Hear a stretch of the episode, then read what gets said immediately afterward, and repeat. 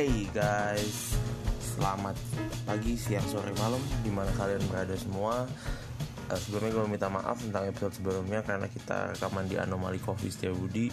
Pada waktu itu keramaiannya itu naik, turun, naik, turun Tapi uh, rada pusing. And actually gue ngerekam pada waktu itu dengan dua metode Satu pakai mic, satu pakai uh, mikrofon HP ada aplikasi voice recorder yang bisa memilih uh, mikrofon lo dan gue pilih pakai camera microphone.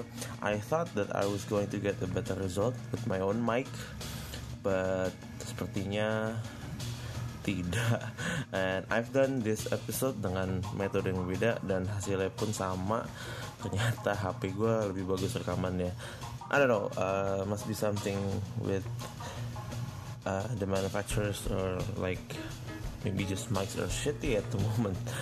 But yeah uh, thank you guys for downloading this episode and thank, thank you banget udah pengen ngedengerin episode ini karena gue kedatangan salah satu temen baik gue yang kita ketemu lewat salah satu uh, lewat pacar gue.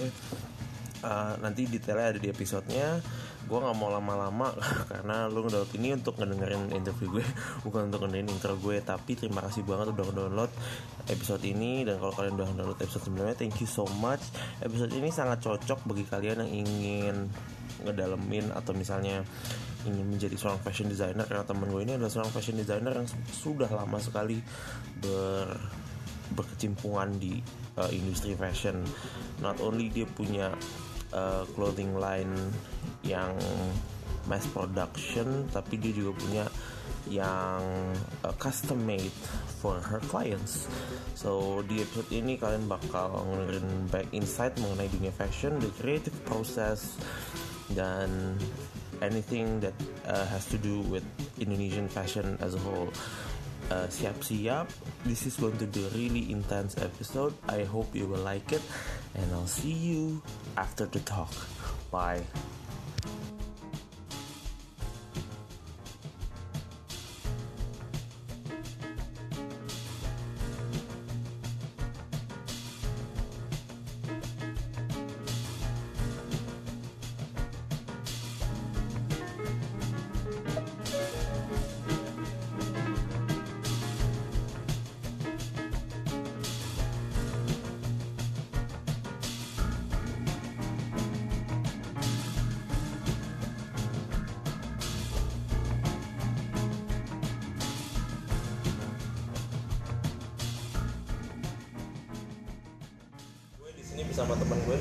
Marsha.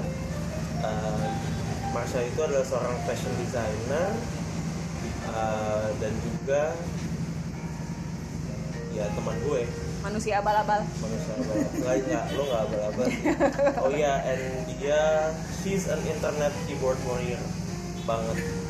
Gitu ya gua. The things that you do on Facebook is, I always wonder like what the hell is she doing at home right now sampai lu you have a lot of time sampai di Facebook tuh aktivitas lu baik banget gitu loh komen di sini komen di sini komen di situ and you like to troll people ya kan? Troll? Troll. You like to troll troll ya people. ya. Iya. sometimes when I'm annoyed. Iya kan? Iya. lu, lu kayak ngekomenin komennya orang yang yang annoying terus lu komen di bawah biar dia makin annoying kan? Biar dia makin iya sih. Iya kan? Iya kan? Lu perhatiin ya? Iya, gue perhatiin kayak ada kayak isu-isu apalagi pas kemarin lagi pilkada, eh pilgub Jakarta, lu sering banget ngekomenin artikel-artikel PKS piungan atau artikel yang terlalu leaning ke salah satu calon, Heeh. terus lu nge-call out orang-orang bego yang di bawah gitu, terus lu challenge, terus gue liatin ya, oh seru nih, that's what you do, like on a normal basis, which is fine, uh, we need that gitu. So Yeah. how uh, so how me and Marsha met adalah oh iya di sini ada Rere juga pacar gue hi. Hai ya uh, so Rere is my girlfriend and actually Marsha awalnya itu temenannya sama Rere. So how did you two met sebenarnya? Eh Sadikin Gani Sadikin Gani, Sadikin Gani seorang fotografer legendaris. Eh, a- setengah antropolog hobinya pokoknya kalau mau ketemu Sadikin Gani iming-imingnya adalah ngopi di Gianti. Gianti itu apa? Ya gitu deh. Kok gue malah jadi promo sih? Eh gue nggak promo ya Nggak sorry. oh, Iya. Eh, eh, itu ketemu pas di mananya? Interview interview.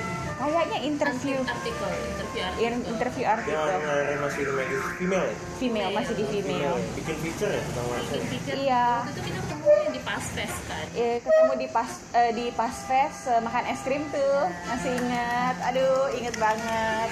Itu yang habis itu aku datang ya, terus Iya, iya, kamu ya? Iya Oh, terus iya. terus em, jadi ceritanya Dimas ini adalah semacam orang psikis gitu. What? Psikis bukan artinya butuh ke bagian eh, apa ya psikiatris beda itu. Psikis itu bisa merasakan.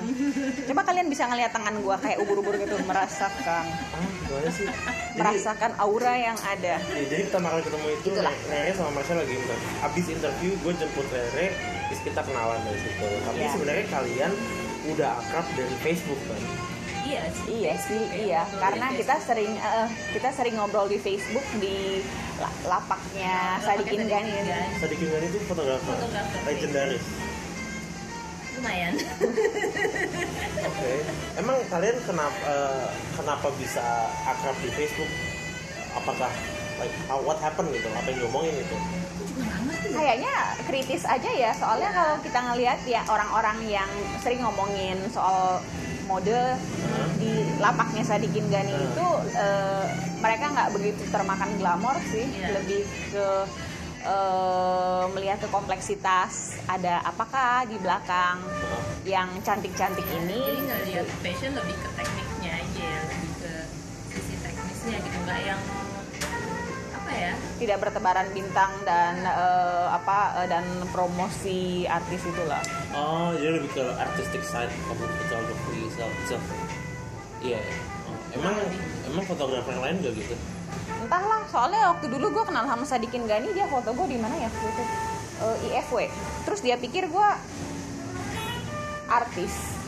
Dalam hati gue yang kayak pas setelah kenal itu dia bilang, oh ya gue pikir soalnya lu artis atau apa terus gue pikir emang gue artis kayak B kelas atau C kelas gitu gitu kayak oh iya bukan di DJ tapi ya boleh lah yang ini gue foto buat street style gitu Kayak, oke Oh, Iya. Iya. So abis itu. tapi gue belum kenal dia itu gue nggak tukeran nomor gue cuman cuek-cuek bebek aja soalnya gue bete abis disiulin orang jalan dari tempat parkir abis disiulin orang orang jadi Oh. muka gue lagi muka bete catcalling. iya Eh, catcall. Itu tahun berapa? 2000. 13 kayaknya 12 Pada 12. waktu itu Indonesia masih belum kayak terlalu peka ya terhadap isu itu. ya.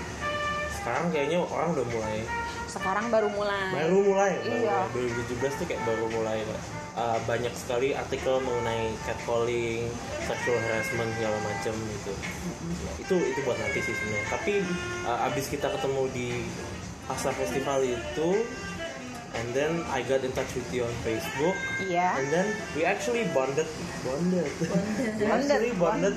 on a very very weird way because we share like uh, the same political apa ya political appetite. Ya. mungkin sih ya. We're both critical on some things gitu, ya kan? Uh, yeah, yeah. And then I, I admire your skill on debating people online. So that's one thing. debating atau baiting nih Dating and debating people online. Yeah, yeah, yeah. yeah. If anyone's like menemukan Marsha di Facebook, please don't please argue don't and don't argue with her because she's really good. And ya begitulah, I admire her. mungkin udah udah ada jiwa mak-maknya ya bu ya Enggak sih, sebenarnya dulu tuh nyokap gue suruh gue eh, masuk fakultas hukum karena menurut dia kamu soalnya eh, apa eh, kemampuan argumentatif lu bagus nak. Terus terus gue kayak nggak mau ah Eh wait, bukannya lu pernah di FHUI ya? enggak gue nggak pernah di FHUI Tapi kenapa lu kenal sama Dimas Pop Legal itu? karena eh, profilnya menarik jadi gue tambahin aja What? That's it? terus gue ngeliatin nggak dan gue ngeliat dari eh, beberapa minggu gue observasi dia komen-komennya cukup waras dan gue merasa oke kayaknya oke lah boleh lah What, ditambahin what, what kind of person does that? A high schooler would do that though. kenapa A high schooler, anak SMA yang lagi kesengsem sama cowok, ya sih. But like, the problem is gue nggak kesengsem sama dia Jadi lu ngeliat orang because they're interesting gitu. iya Oh iya. biasanya biasanya kalau yang orang begitu adalah dia eh, lihat dari Twitter atau Instagram wah kontennya bagus tapi kalau Iya, Facebook, Facebook. kayaknya jarang ya karena kalau Facebook lu mesti mesti lihat orangnya komennya Ya. nongol banyak dan dia kan banyak komen di banyak komen. eh, post-post lu Iya iya iya iya. iya. jadi makanya gua nge gue kira kalian udah temenan duluan, jadi kayak kayaknya itu cara yang sama kenapa gue sama Marsha bisa kenal Iya Oh iya, Iya, juga. iya. iya, iya, iya. Kalau orangnya cukup reasonable, eh, nggak ada tendensi untuk jadi apa em, stalker ya gue add gitu kan. reasonable dari lo tuh kayak gimana nih tapi orang kan beda-beda. Em, ya orang kan nggak mungkin kita ketemu orang nggak mungkin 100% eh, setuju dengan pandangan. Iya, heeh. Tapi bagaimana caranya kalau oke pandangan lu beda, pandangan gue memang be- eh, eh, beda untuk satu topik ini, tapi kita setuju bahwa kita akan tetap jadi civil. Gue menghormati pandangan lu, tapi gue nggak bisa setuju, sorry aja. Aha. Gitu. Demikian juga lu, lu bisa menghormati pandangan gue, tapi lu nggak bisa setuju. Dan Iya. kita tahu eh, masing-masing ada batasannya dan dua-duanya sama-sama stop di situ Iya. menurut gua itu eh, satu hal yang penting sih kalau memang mau kenalan sama orang yang lu nggak begitu kenal selain eh, obviously ya eh, apa persentase akan jadi stalkernya rendah ya Tapi eh, iya sih benar sih. situ. menurut lo orang Indonesia sekarang eh, agak susah kali ya nge-achieve that level of rational gitu. agak susah sekarang gua nambahin temen di Facebook itu udah jarang banget kalau misalnya dulu zaman-zaman yang pakai Facebook masih banyak yang orang orisinal ya Iya iya iya. Nah itu gue masih sedikit lebih relax gue bisa nambahin tapi kalau sekarang udah susah. sekarang kayak orang bisa nge-share berita entah kenapa sejak tahun 2013 tuh pas the function of sharing news orang udah mulai peka oh makanya gini dan mereka menambahkan thought di postingannya itu dan entah kenapa orang-orang jadi lebih terekspos kali ya ke their political stance and their values jadinya kalau yang nggak reasonable malah distancing themselves kan. Iya dan ini kan yang menyebabkan jadi adanya semacam orang bilang kan chamber of echo ya. ya ya ya. Makanya gue juga kalau mau nambahin temen gue juga eh, perhatiin banget apa yang gue klik like eh, atau gue react di Facebook tuh gue perhatiin apakah ini akan memperkeruh chamber ik- em, chamber of echo-nya gue Oh. atau ini akan balance out gitu. chamber of echo tuh maksudnya adalah kan kalau dari logaritmanya Facebook semakin sering lu like satu orang akan semakin banyak Iya. berita yang orang itu share naik ke oh newsfeed. iya iya iya iya, iya, iya. Jadi kalau lu mau ngelihatnya contoh gitu foto-foto kucing lucu-lucu lagi berenang dimandiin atau foto anak bayi ya lu likein aja nggak anak bayi ngerangka-rangka gitu nanti kan keluar sendiri Iya. dan dari orang yang posting itu Iya, iya, benar-benar. Jadi makanya kan kadang ada tuh clickbait clickbait yang eh, aduh kesian ya coba ini eh, disebarkan terus banyak banget yang komen. Iya. Nah itu biasa gue lihat sebelum gue klik like gue biasa klik profil pertama nggak kalau komen kan biasa kelihatan tuh langsung oh yang ketik like untuk apa lah kayak gitu gitulah. gue biasa klik konten yang dibagiin Aha. oleh page atau akun itu. Jadi gue periksa dulu ini niatnya page ini buat apa gitu. Oh, Kayak ada nih satu nih page PKI serius. PKI Iya. Komunis Iya serius. Gue ketemu tapi bukan PKI serius itu bukan itu kayak apa ya menciptakan masalah sendiri dan menyelesaikan masalah sendiri gitulah. maksud lu gimana Jadi dia eh, page clickbait ah untuk ngumpulin orang-orang atas dasar fobia pada PKI. aha.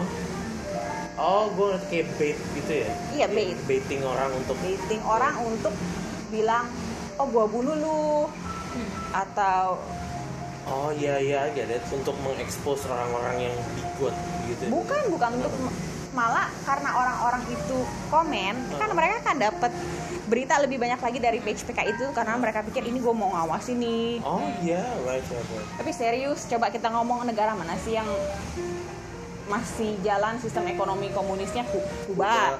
Bangkrut. Iya bangkrut. siapa lagi? Si Eh, si si. Korea Utara. Si Korea Utara? Nggak jelas. nggak jelas. Terus si Venezuela ya? Venezuela? Ya. Venezuela? Orang bisa jual anaknya buat beli makanan Iya. gila lah Even even di Kuba aja taxi drivers earn more than doctors. iya memang Iya, karena dokter itu kayak do- profesi kayak dokter, montir, terus electrician itu gajinya sama. Itu cukup untuk beli makanan dan segala macam. Tapi kalau taxi driver, taxi driving itu salah satu profesi yang dibebasin sama uh, pemerintah. jadi mereka bisa dapat uang ekstra dari turis Iya. Dan itu income mereka dari situ. Jadi yang kaya di sana tukang taxi gitu. I wonder if Uber should go on masuk sini. Ya, Iya. iya, iya. ayo gojek gojek Iya. Ya, tapi di dunia emang nggak ada sistem sistem pemerintah yang perfect. But I don't know kenapa sentimennya adalah negara Skandinavia itu selalu dilihat oh itu bagus banget gitu. karena semua penduduknya diemong sama negara kan Iya iya iya. tapi eh, kalau kita lihat mereka bayar pajak 60% loh Really income. up to 60% iya itu cukup tinggi startingnya 30-an ya kalau nggak salah What? That's a lot. Iya makanya dan nggak ada cara ngeles pajak tuh sangat kecil. Uh, Bahkan kalau di Norwegia ada satu buku eh, yang diterbitkan tiap tahun yang menulis eh, jumlah income dari setiap orang di Norwegia karena Norwegia negaranya kecil. Iya. Jadi mereka bisa bikin itu kan. uh, Eh, dan ini menjadi scrutiny uh, jadi eh, kalau misalnya orang mau bilang oh dia kekaya juga agak susah gitu kan yeah. Eh, karena lu nggak bisa ngumpetin kekayaan lu. Hmm. orang tahu how much you worth. Uh, dan oleh karena itu em, kalaupun memang dipajak tinggi ya mereka juga sebel. Jujur gue gue gue ngerti kalau kayak lu bilioner terus lu eh, di tinggal di Skandinavia terus lu tahu uang sekolah anak lu tuh paling ongkosnya cuman berapa tapi lu dipajaknya per persentase pemasukan lu yang mungkin seribu kali lipatnya dari apa yang dibayarkan Iya. di, untuk uang sekolah anak lu mungkin lu berasa gedek juga Iya, ha. cuman ya gimana ya Lu, lu, lu memilih tinggal di situ ya lu bayar lah harganya sama kayak kita tinggal di Indonesia kita harus bayar harga dong Iya, iya, iya, iya. Dan Gitu. eh, apa ya sentimennya adalah kalau di sana, well you're helping eh, sanak-sanak saudara lo juga, tetangga-tangga lo juga gitu loh. Karena healthcare di sana gratis, Heeh. sekolah gratis. sekolah gratis Kalau kata teman gue Adit eh, yang kemarin gue interview adalah kalau ditanya sekolah terbagus di Norwegia atau di Finlandia gitu yang ya, lu bisa jalan ya yang ya ya yang di di apa In- your neighborhood, in your iya. neighborhood, ya itu sekolah terbaik lo gitu loh ya dan pendidikan sana emang bagus banget sih dan itu udah kayak staple of the world gitu loh tapi masalahnya masalahnya di negara kayak gitu entrepreneurialnya kurang. I mean what's the karena hidupnya aman. Udah ya udah aman gitu. Nggak ada problem yang bisa di solve ya udah. Kecuali ya Spotify. Spotify kan it solve the world. It's a first world problem. Iya, first bagaimana world caranya gue mendengarkan musik? Iya first world problem. Ya mungkin gitu kan ya. Untuk uh, masalah-masalah first world ya harusnya yang nge-solve adalah orang-orang yang nggak punya masalah second world yang kayak lapar segala macam. Ya udah yang yang nggak penting kayak masalah-masalah yang nggak penting gitu lah. jadi emang orangnya hidupnya udah secure gitu Iya, kan bisnis yang keluar dari sana apa sih? IKEA, Spotify, What? Nokia dulu kan Iya. Nokia dulu, ya, ya, ya yang luxury kayak luxury dan yang high tech gitu. Dan I imagine banyak craft companies di sana di luar Jerman sih, Jerman kan sebenarnya mereka risetnya banyak sih mereka Iya, iya. invest- eh, investasi ke, eh, ke riset eh, teknologi itu banyak Iya juga. iya iya iya. Especially in alternative uh, energy, right? Iya. Kayak Di nuklir, uh, solar. Nobel Physics winner Iya. Iya kan? Physicist tuh semua banyak kan dari Skandinavia ya. Iya. Iya. Hebat ya sebenarnya. Indonesia kapan? Who knows? kayaknya mesti investasinya di area jualan-jualan yang lain Iya iya. kalau Indonesia sih ya yang laris eh, orang marketing Iya iya iya. iya. So let's talk about you uh, sekarang. You're a fashion designer. Sekarang masih masih ngejalan ya? masih masih jalan Jalan. Uh, tapi uh, kayaknya lo itu terkenal bukan terkenal sih I know you karena lo itu adalah sangat kritis dengan yang namanya uh, fashion shows karena lu kayaknya berubah ya your view on fashion shows itu berubah ya iya Iya. Nah, jadi kayaknya dulu tuh sebelum lo inform tentang hal-hal kayak marketing, how to run a business dan duit dan segala macam, lo kayak mikir oh fashion show itu bagus dan itu bakal ngasih gue exposure yang tapi sekarang betul berubah ya. berubah Kenapa? ya Kenapa? setelah jadi em, kenapa mungkin gue akan mulai dari em, pas gue lulus ya. Nah, pas gue lulus eh, itu kita ada fashion show dan eh, bentar, lo sekolah di mana dulu? gue sekolah di London College of Fashion. Oh iya. yang asli ya tolong kalau lu periksa kalau lu periksa nama gue ada tuh lulusan Bachelor of Arts. Beda. Kalau misalnya ada orang ngaku oh gue lulus dari London College of Fashion. Silakan pergi ke websitenya silakan periksa dan lu bisa cross check sendiri apakah orang itu benar atau orang itu benar-benar pengen bikin a good impression on you. Iya, iya. Emang banyak yang ngaku-ngaku gitu? Kan si itu yang eh tau lah yang terlibat Oh, masalah perduitan itu. Oh iya, just say your name. gue nggak mau promosi usaha dia itu ya apa? sebelah si ibu travel penjelajah itu ya. pertama itu ya. si ibu si ibu apa ibu- biro biro aja- biro agen perjalanan. That one, iya. yang itu Itu itu kalau pengaku ya. Itu terus terus orang bilang eh ya em, oke kita balik lagi ke soal fashion show ya Iya.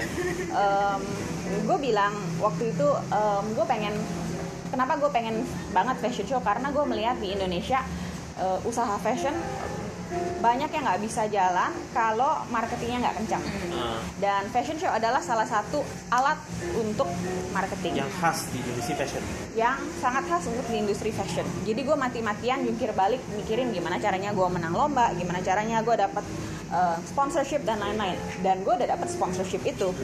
Uh, Kementerian Perindustrian bayarin gue pergi trade show ke Hong Kong. Uh, masuklah nama gue di koran Kompas. Uh, ada.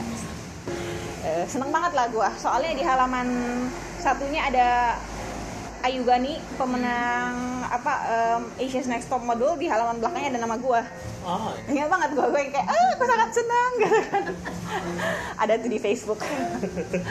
Terus udah gitu em, cuman gue lihat waktu itu eh, I have my turnaround sekitar 2014 2015 um, gue waktu itu bikin I, I was doing it properly. Mungkin kalau yang teman-teman gue yang dulu satu kuliah um, sama gue ngerti how to do the fashion business properly. Lu bikin koleksi lu bawa koleksi itu to market biasanya ke trade show atau ke fashion show atau ke fashion week. Dan lu jual itu ke buyers. Nah, in my case karena gue bukan dari keluarga super tajir jadi gue memutuskan untuk bawa ke Hong Kong aja yang bisa gue what I could afford nah, soalnya kalau misalnya kayak lu pergi show ke Eropa itu ser- i- eh, sangat gampang 200 ribu euro sekali show. Wow. dan kalau lu mesti show dua kali setahun eh, Ya. gue sih mending beli rumah nggak ya? Beli rumah yuk beli rumah aja. Bisa beli rumah satu terus bisa nge-save untuk apa anak dan segala macam dan baik saving buat bayar gaji penjahitnya kan iya ya nggak sih Iya, iya. Daripada maksudnya lo keluar duit cuma buat tepok-tepok setengah jam doang iya iya Iya, oke kan? terus terus Nah, terus gue bawa lah ke Hong Kong dan gue melihat respon orang bagus, tapi ujung-ujungnya gue lihat kenapa di Hong Kong setelah dan gue tiap kali di- dan gue dianjurkan untuk bikin 2 sampai 3 season. Jadi kalau show itu nggak boleh cuman sekali. Jadi lu mesti ngelihat eh, track record lu 2 sampai 3 season di situ lu cocok atau enggak. Em, kalau yang penasaran ongkos show di Hong Kong berapa, gue kasih tahu aja. Ya sekitar show fee-nya aja, trade show fee-nya aja sekitar mungkin 50 juta. oke itu rupiah udah include apa aja Lu dapet booth, lu dapet itu, lu dapet Slot show-nya doang em, slot pun lu nggak dapet. Lu dapet booth, dapet eh, market, eh, dapet eh, rak, dapet manekin, kalau slot fashion show-nya berapa nambah 3000 dolar ditambah model jadi udah berapa Nggak, itu udah termasuk model itu semua. udah termasuk model Iya, Oh. 3000 dolar kalau nggak salah. Damn, that's a lot of Nah, money jadi kalau lu bayangin nyoba tiga kali, gua, dan gue inget, gue I told myself, gue coba tiga kali. Kalau gue dapet buyer, bagus. If it doesn't work, it doesn't work. Oke. eh, apa eh, cut loss gue bilang dan gue dua kali show baru show ketiga gue disponsorin sama Kementerian Perindustrian jadi memang lu mesti kerja bikin track record dari sisi buyer oh kalau misalnya buyer sama scout datang oh semua foto-foto baju gua. Gue juga agak bingung gitu kenapa semua di foto-foto karena mau di copy nanti di mainland. Serius gue nggak bercanda. Itu mereka ngomong kayak gitu enggak. Tapi ada memang uh, it's very well known kalau di Hong Kong banyak yang datang itu kopier dari mainland. Oh.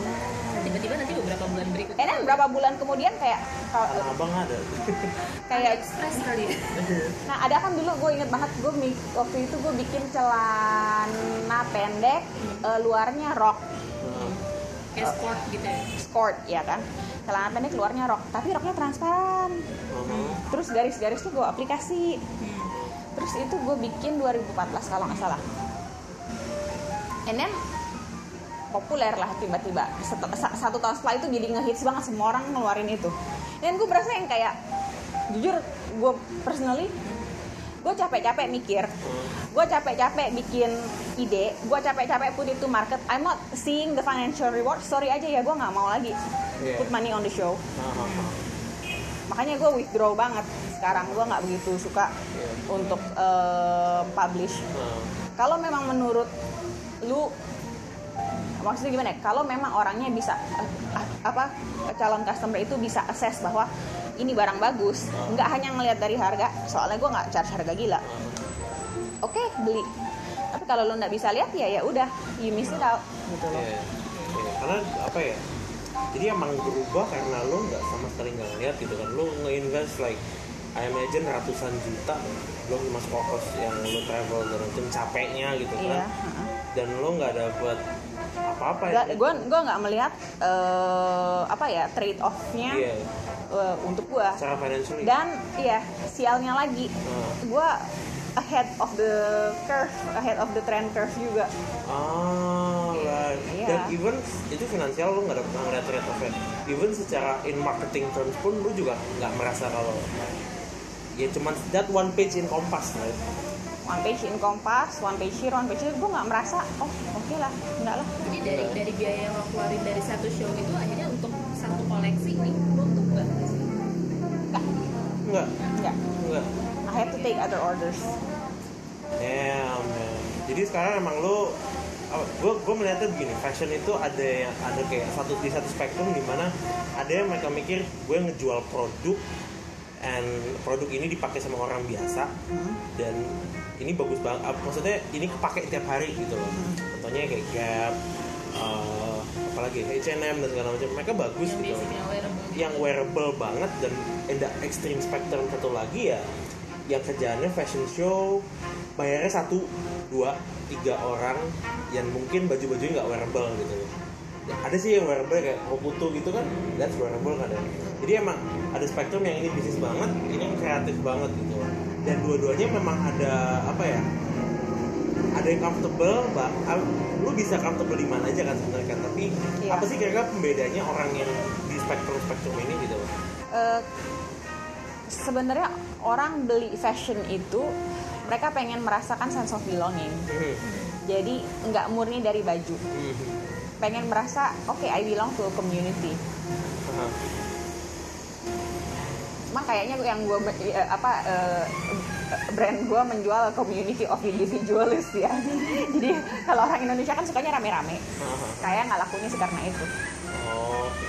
sekarang tapi masih jualan ya? terus jualan ya Lebih ke yang, I don't know, what, what type of ada yang mass production, ada yang super- ada ada yang mass production ada yang eh, custom. eh, dan kadang kalau gue lagi niat ya gue ikut competition Kalau niat.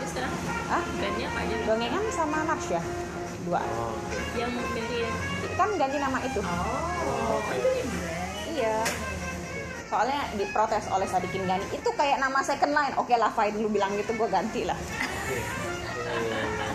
Oh iya, gue mau nanya eh, terlepas dari, oke di Indonesia di industri fashion sendiri, eh, menurut lo eh, what's going on right now dengan? I have no idea, I don't follow. Why did, kenapa nggak di follow? karena uh, it's a little bit navel gazing itu itu lagi itu itu lagi Really? um, in the sense that kalau kita ngomong dari sisi uh, dobrakan estetika yang paling mendobrak itu pun hanya kalau gue boleh sebut merek Yeah. L3 Nanti itu siapa? I don't know. I don't know. Dari sisi estetik Yeah.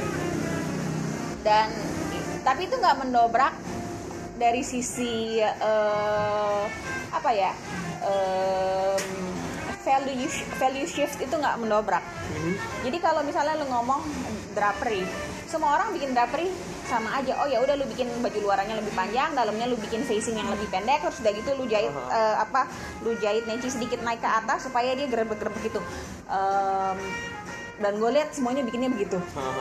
Sama cuman bedanya antara apakah itu di atas pusar di bawah dada kiri atau di bawah dada kanan. Em, kalau mau ngomong apakah orang jadi subscribe to some parts of uh, so-called Japanese beauty ideal? Karena gue tau lah si Lulu lumayan fixated Yeah. ke arah situ kan gue nggak merasa that's the case. Gue nggak merasa bahwa baju itu hanyalah ha- setelah dia itu orang lebih berpikir baju adalah hanya kokun dan ada safe space antara baju dan badan. Gue nggak merasa itu ada. Orang beli lulu lucy karena orang pengen kelihatan oh badan gue bagus dan gue beli produk domestik. Tapi apakah mereka ngerti bahwa eh, lurik yang mereka dapat itu lurik yang mereka beli eh, mensupport kehidupan tukang lurik tradisional ataukah itu dibikin di pabrik cuma tampangnya kayak lurik gue nggak yakin mereka sadar Yeah. gue nggak merasakan bahwa ada mental shift di situ Hmm. sama lagi kalau lu ngeliat yang model baju yang eh, di, dibordir penuh ya cantik-cantik kayak mungkin kalau sekarang yang generasi yang terbaru yang Gesta dan teman-teman. Yang eh, baju eh, siluet lebih ke 50s ya kan? Eh, mid to late 50s em, apakah hourglass shape atau eh, yang semi fitted shape terus di boardingnya banyak gue juga nggak melihat eh, shift estetiknya. Oke lu ganti aja bordirnya dari tahun ke tahun. Kalau kita ngomong baju-baju em, yang sering dipakai untuk ke pesta gitu kan. Ya bentuknya sama. Strapless rok besar di bawah terus bordirnya aja yang diganti. Oh iya, I noticed that. Iya benar juga ya saya. kakak gue nikah 10 tahun yang lalu. Itu strapless was wow tapi tahun 2000 gue gue pakai strapless waktu itu 2004 gue beli uh, my first strapless dress uh, tahun 2004 semua orang ngeliatin gue kayak aneh banget like nobody wore strapless. At that time semua orang masih pakai baju-baju sisa tahun 90-an Iya iya. ya, dengan spaghetti strap. Heeh. dan dengan kilap-kilap eh, apa two tone satinnya itulah. Em, dan semua orang ngeliat gue di pesta tuh yang kayak "Oh, bajunya strapless. Oh ada tail di belakangnya ada train kecil gitu. Oh iya. 2004 ya? Iya. 2004 Iya. kakak gue merit 2008 strapless. Setelah kakak gue merit gue inget banget gue merasa aduh I have a fatigue. Gue capek ngeliatin orang merit pakai baju strapless. Heeh. sampai hari ini orang masih merit pakai baju strapless. Paling cuma ditambahin lace bolero di atasnya. Hmm. makanya gue juga yang kayak eh, males banget. Pas gue merit nyokap gue kayak nah kamu nggak pakai baju putih yang besar kayak gini nih. Ini kan eh, ada nih eh, family kita yang punya em, apa usaha bridal which with all due respect gue biasa ngambil dari keluarga sendiri Iya. cuman karena gue udah 10 tahun lebih ngeliatin maksudnya yang kayak serius Iya. serius gue disuruh pakai gue mikir gue disuruh pakai strapless lagi dan setiap pesta yang gue pergi yang orangnya pakai strapless gitu kan Iya, yang kayak iya. please lah jangan suruh gue pakai strapless Iya. sebagai fashion designer gue udah enak banget gitu makanya I went the oh kalian datang malam sih ya? Kalau dat- kalau datang pagi bakal ngeliat yang uh, I I wanted to do a 20s theme tapi gue nggak mau Gatsby. Jadi gue menemukan referensi foto waktu itu em, orang merit dengan train apa eh, pakai slayernya super panjang tapi dressnya pendek. Hmm. iya. Tapi dressnya pendek 20s eh, apa ya eh, memang flapper style tapi bukannya yang Charleston yang swinging swinging gitu. Lebih ke baju yang di emphasize dada di emphasize em, pinggang dan perut. Lurus aja gitu. Eh, dan selutut eh kok selutut? Semata kaki bajunya. Makanya gue pengen oh ya udahlah. I want it to look vintage. Dan hasilnya gaun lo yang malam pun juga sebenarnya hitungannya unik banget kan gitu I mean that was the very first time gue datang ke kawinan bajunya two piece Heeh. dan atasnya dengan uh, bagian sleeve-nya yang agak longgar kan baju Iya, uh-uh. karena gue nggak mau, gue nggak, gue nggak mau, gue inget banget lah kakak gue pakai waktu merit dengan baju segede gitu disuruh masuk ke di WC mau pipis gitu loh. Terus dia kayak gimana ini gitu kan, gue yang kayak halalala gitu kan, mau pipis aja susah gitu kan. It's supposed to be your day, you're supposed to be happy, Iya. you're supposed to enjoy it. Tapi lu malah jadi kayak hiasan kue gitu loh. Iya.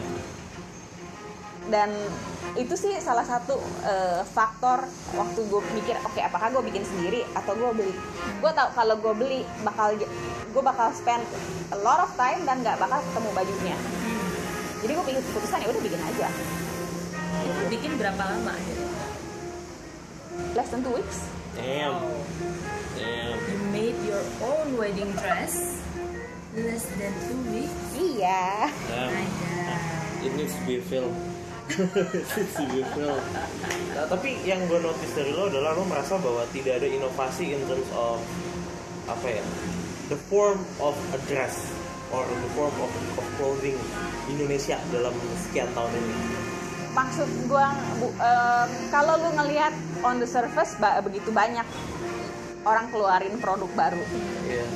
tapi shift in how we dress ourselves Ya, right. sangat Iya. kurang Iya, iya. Wait, wait, wait, when do you mean how we dress ourselves adalah ya benar bagaimana kita memakai baju gitu kan. estetikanya ini apa? Kenapa lu pakai baju yang lu pakai? Apakah biar lu kelihatan cantik? Cantik yang mana? Apakah lu mau kelihatan cantik lebih cantik dari station social station lu untuk impress orang lain? Wow. Ataukah lu uh, trying to fit into a particular ro- social role? Iya. Ya kan? Iya, iya. wow, that's untuk orang biasa kita nggak mikirin itu. But for a fashion designer, you think about those things, right?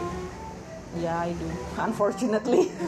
mungkin nggak sih itu kayak kayak berpengaruh karena eh, tren influencer sekarang. Jadi kayak banyak desainer atau brand yang mereka lebih ngandelin influencer buat buat marketingin barang mereka. Dan akhirnya orang pakai baju karena gue pengen jadi kayak si fashion blogger favorit gue. Instead of gue pakai baju karena ini sesuai dengan karakter gue.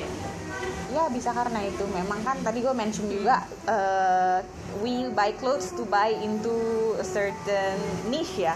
Mungkin yang niche yang I- yang appealing untuk gue adalah I'm an individualist makanya gue nggak peduli gitu kan. Oh orang mau apa ya? Kalau if it doesn't apply to me if it's not um, uh, gue nggak bisa rawat baju gue sendiri gue nggak bisa pakai minimal 10 kali gue nggak puas gitu kan. Gue punya kok teman-teman yang bilang ke gue yang kayak nggak mau mahal-mahal gitu kan. Duitnya banyak gitu nggak mau mahal-mahal kenapa? Gue tanya. Pokoknya setiap enam bulan I want to do a wardrobe refresh. Terus dalam hati gue gue yang kayak "Eh, dari sisi ekologi itu kain dibuang ke mana semua gitu kan? Iya, iya, iya. Iya kan? Iya. itu eh, celupan baju segitu banyak kedua limbahnya gitu kan? Gue kayak eh gitu. Wow, iya iya iya iya, gue paham gue paham. dari dari sisi seorang creator innovator gitu kan eh, agak disturbing gak sih untuk ngelihat fakta bahwa orang sekarang lebih lebih mikirin ini baju pernah dipakai sama siapa instead of ini tekniknya ini ini bahannya unik begini begini lebih ke sisi kreativitasnya gitu. Orang sekarang nggak nggak terlalu ini kayaknya. Di satu sisi gue merasa orang gue merasa terganggu bahwa orang hanya akan membeli apa yang terlihat bagus di foto. Hmm. jadi sangat flat sangat two sided padahal baju itu kita kan pakai tiga dimensi. Kita pakai kita bisa dudukin terus kalau misalnya apa em, pesak selangkangannya kesempitan emang lu bakal pakai lagi? Enggak kan? Iya iya iya iya iya. iya. terus em, kalau dipakai gatel nggak ada yang sadar itu. Aku gue sadar itu pas gue umur berapa ya? 13 14 kalau nggak salah. Jadi gue mesen baju. Aha, di tukang jahit biasa lah aha, gue masih inget masih ada fotonya. Eh, bajunya eh, two tone short tie silk tapi dari bahan polyester. What? Eh, Polyester? iya, ya kan zaman dulu gue belum ngerti. Oh iya. ha. Ini zaman gue masih 10-12 tahun gitu. Em, warnanya itu hijau, ada shotnya warna merah gitu. Pokoknya 90s banget lah, men. Model tafeta gitu terus sama tukang kainnya diwanti-wanti. Pastikan mereka potong bahannya satu arah ya, satu arah. Jangan yang arah lain nanti warnanya jadi beda. Diwanti-wanti sama tukangnya. Jadi ke tukangnya itu gue bilang pastikan bahannya.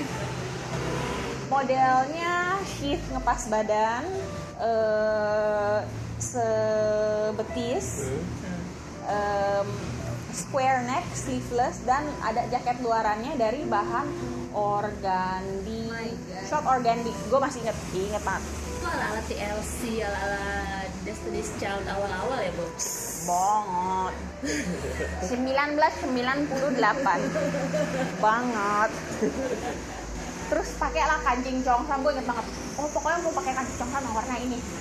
Kerahnya kerah Cina, kerah Mandarin. Lengannya begini. Terus lengannya dijahit pakai finishing diobras. Aha. Pas gue pakai, gue garuk-garuk kayak tela kayak monyet gitu kan. Nah itulah that was one of the lessons dari em, bagaimana pentingnya kita sebagai konsumen itu ngerti kita nggak harus jadi desainer Iya. untuk menghargai kerjaan desainer kita nggak harus jadi desainer Dan untuk mengkritik desainer lu nggak sih? untuk jadi kritik desainer lu nggak harus jadi desainer tapi yang lu perlu punya adalah common sense apakah lu mau pergi ke pesta yang harusnya lu kelihatan you're comfortable in your own skin terus lu garuk-garuk ketek Iya. karena serat kainnya nusuk-nusuk ketek lu gitu Iya, iya. serius nggak banget gitu loh Iya iya iya. iya. Kayak lu tuh kak apa ya? Kalau gue eh, merecall bincangan kita dulu dulu ya. Heeh. How you think you're two sided gitu loh. Bahwa dari secara desainer lu mikir bahwa oh costnya gimana dan segala macam but you you put yourself in your consumer shoes. Oh ini bakal berguna nggak sih buat dia? Bisa dipakai terus terus nggak sih? Ya kan? Iya. and do you think that consumers harus berpikir dengan common sense yang kayak begitu framework pemikiran kayak gitu? Ya maksudnya gini lah. Kalau lu mau bayar 20 juta for a dress. Nah, lu mau pakai dress yang pas lu pakai lu berasa insecure. Hah? atau lu mau pakai dress iya. yang lu nggak mikir bahwa lu pakai dress itu sama sekali. But you can be yourself.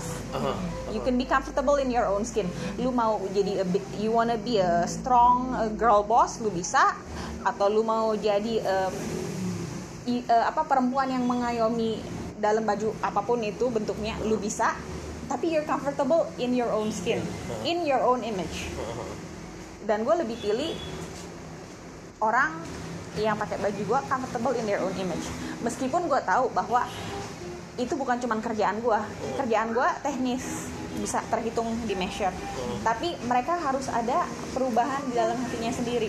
Oh, yes. itu yang itu yang eh, satu hal yang gue hanya bisa mensuggest tapi mereka harus bikin sendiri. Oh, karena kalau dia. serapi apa pun gue bikin jahitannya eh, se- fitnya sebagus apa pun sampai nggak ada lemak tumpah tapi kalau dia merasa bahwa ada lemak tumpah atau baju itu eh, menunjukkan lemaknya dia padahal kalau di foto lu bandingin before and after nggak ada Aha. ya kita kerjaan kita sebagai desainer redundant Iya, iya, benar benar benar. benar. gitu Iya. on the other hand ada juga orang-orang yang beli baju let's say 20 juta soalnya ada teman gue yang komplain waktu itu gue beli bajunya si ini 20 juta terus lu lihat deh kayak gini finishingnya di foto pasti di di neci terus necinya jarang-jarang gitu kan masih ada tuh yang baby lock yang rapet gitu masih kelihatan kayak garis ya itu yang jarang-jarang gitu loh yang kelihatan benang benang benang Oh iya iya itu kan. Iya. yang soal dikit dia kelipet-lipet kelihatan kan Hah? dia jadi kayak jahitannya kelipet-lipet kelihatan gitu Iya, di, di bawah di hemnya. Ini baju pesta men buat kawinan men. Uh, 20 juta that's a lot of money. terus gue bilang sama temen gue kayak lu mending bayar gue 7 juta. Terus gue bikinin terus hati lu masih lebih lebih lebih lebih tenang daripada kalau lu pakai baju ini pakai gondoknya tuh. Beda. Gitu. Pernah tuh nih, Dad, tadi lu bilang bahwa apa masalah tentang limbah kain dan segala macam so kayak jarang bukan jarang ya. Uh, sudah mulai fashion designer itu memikir tentang memikirkan tentang ethics of design right ethics of fashion. Memang seharusnya bukan? Seharusnya kan? Iya. Iya ya, seharusnya. Tapi apakah konsumen juga harus mulai memikirkan itu kah kalau konsumen tidak meminta dari desainer dari supplier Hah? buat apa sih supplier keluarin em, apa extra effort? Iya, jujur. Ya kan? Iya kan. Kalau lu bisa jual satu barang seratus ribu dengan ongkos 5.000 ribu versus kalau lu jual satu barang seratus ribu dengan ongkos 5.000 ribu tapi lu mesti pikirin 20 Ya. menit gimana caranya supaya bikin ini 5.000 ribu tapi customer gua seneng Iya. menurut lu supplier gini lah menurut lu orang lu sebagai orang bayar orang gajian gitu Aha. bakal ngerjain yang mana the easy way dong Iya, the easy way. Iya. Iya. So, jadi memang konsumen harus minta dan kalau konsumen nggak tahu apa yang dia harus minta apa yang menjadi haknya dia bagaimana dia akan mendapat value added dari supplier Yeah, paham, paham, paham, paham, paham.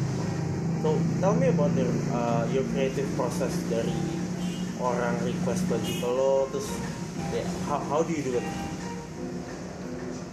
eh I don't know. I usually respect the fabric. Jadi lihat bahannya atau gue mulai dari jadi ada dua sih kalau kayak dengan wengan eh, dengan kain tradisional. Biasa gue lihat dari kainnya dulu. Sifat kainnya apa dra- eh, drape-nya gimana. Hmm.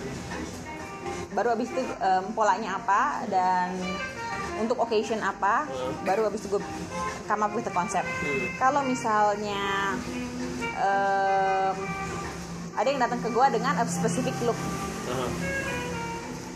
nah ini gue akan bilang kadang orang datang with a specific look terus kasih ke gue bahan apakah bahannya ini will work for that look Aha.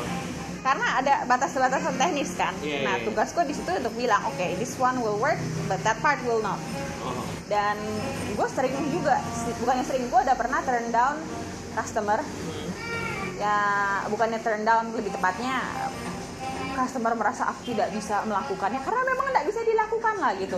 Maksudnya serius kasih ke baju ke gue modelnya yang model sheath kaku 60s mencorong keluar begitu tapi kainnya dikasihnya satin kelemar-kelemar Ya. ya Allah gue bilang sama dia mau gue pasangin staflex sekali gitu kan. Terus kayaknya tersinggung gitu. Gue bilang ini nggak bisa gitu kan. Kalau lu mau paling bahannya yang ini. Ini gue punya in stock di workshop gue lu bisa beli langsung dari gue atau kalau lu mau warna lain maksudnya ini warnanya cukup mirip gitu kan. Atau kalau lu mau warna lain atau lu nggak percaya atau lu mau cek sendiri ya na- nama bahannya ini lu bisa beli di toko-toko beberapa tapi generic name-nya ini. Cari yang beratnya segini harga segini. Terus sampai hari ini nggak balik-balik. Ah, Oke. jadi aku bukannya gue bilang eh tolong ya gue mau morotin lu dengan Iya. sini lu kasih duit lu ke gue Iya. enggak gue bilang bahan yang lu bawa ini it will not work for that look Iya. mau diapain mau dijungkir balikin it will not work for that look aha. Paham, paham. mau orang main ngebohongin dia nggak gue sorry gua, I'm not into bohong-bohongan kalau memang nggak bisa gue bilang nggak bisa Iya. dan gue kasih alternatif nggak cuman saat gue nggak bilang oke lu beli aja sama gue gue kasih alternatif kalau lu mau lihat sendiri boleh tapi paham, paham, paham. kadang-kadang orang ke desainer itu atau ke orang-orang mesen custom order itu bukannya untuk mencari solusi teknis dari masalah perbajuan mereka tapi for a power trip Power trip, that's Yeah. interesting. That's a really So- good way to put it. Yeah. How many people are involved btw? Dari lo mulai take an order sampai selesai bajunya itu berapa orang sih? Gak cuma lo doang kan yang gambar. bonda Enggak, kan? satu dua eh, ya minimal empat orang Uh, role-nya apa aja tuh? Ada siapa? Ada apa aja? ada yang Hai ambulans maaf ya Eh, role-nya eh, ada yang biasa yang bisa ada gua yang em, menentukan arahnya ke mana Ah.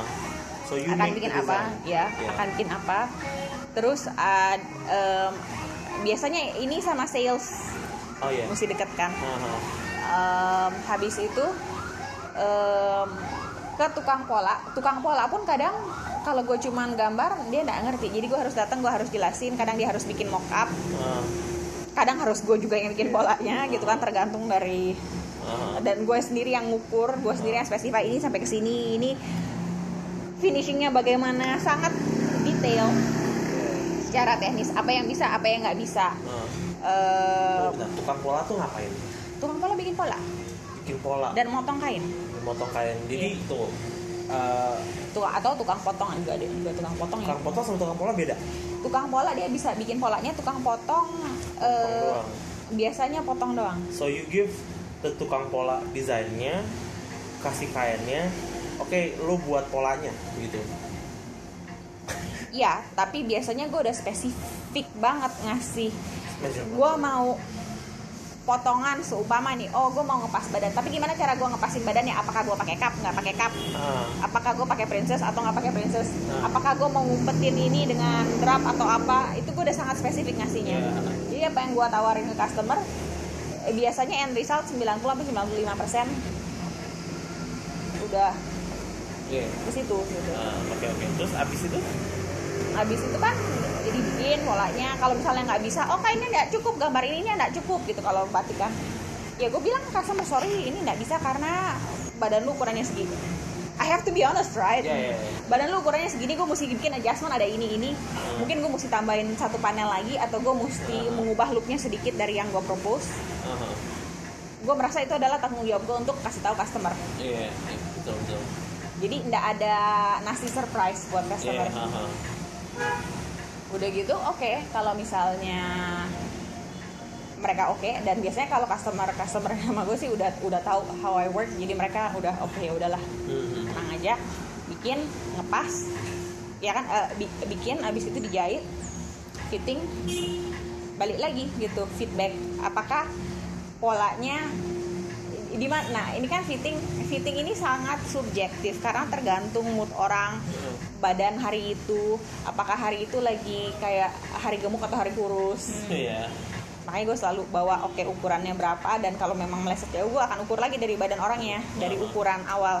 Apakah dia lagi diet jadi sehingga mesti diambil banyak Iya. ya kan? Atau dia lagi kalau ceweknya lagi mens itu bisa ngembang Iya. badannya. we have to take that into account gitu loh. Iya. terus ya gue kan tanya eh, gue bisa bikin eh, baju ya segitu aja gitu kan. Baju ya baju is baju. Hmm. dia nggak akan tiba-tiba berubah kecuali lu salah masukin ke dalam mesin pengering sampai dia nyusut gitu. Aha. Iya. Em, jadi kita juga mesti aware klien tuh kayak gimana badannya dan lain-lain. Apakah lagi ngembang atau ya kalau kita bikin pola kan ya segitu. Kalau udah dipotong polanya 10 cm ya 10 cm aja gitu. Udah dijahit 10 eh, 15 cm ya 15 cm aja. Iya itu benda mati gitu loh. Iya. Dan itu kan kita mesti fitting ke orang hidup. Aha. apakah dia hari itu lagi slouching atau hari itu lagi gemuk atau hari itu lagi eh, abis dikadalin orang sehingga ketemu gue bawaannya sebel. Protes. Itu kan gue mesti perasain gitu. Iya jadi gue bakal bawa measurement gue ngukur cek semua oke ada apa yang mau diubah yang masih masuk akal Iya. gitu kan. Kalau ada extra cost gue akan kasih tahu. Habis itu udah finishing antar. Udah langsung kasih oh enggak. Biasa fin- em, kalau ada permak permak kalau enggak ya finishing. Eh, kalau enggak langsung finishing terus antar. Oh, kalau custom order gitu bayaran muka apa kayak ada installment? Eh, biasanya udah pada depo sih. Oh DP Ah, nah kalau kalau DP gitu kalau dia nggak puas di akhir gimana?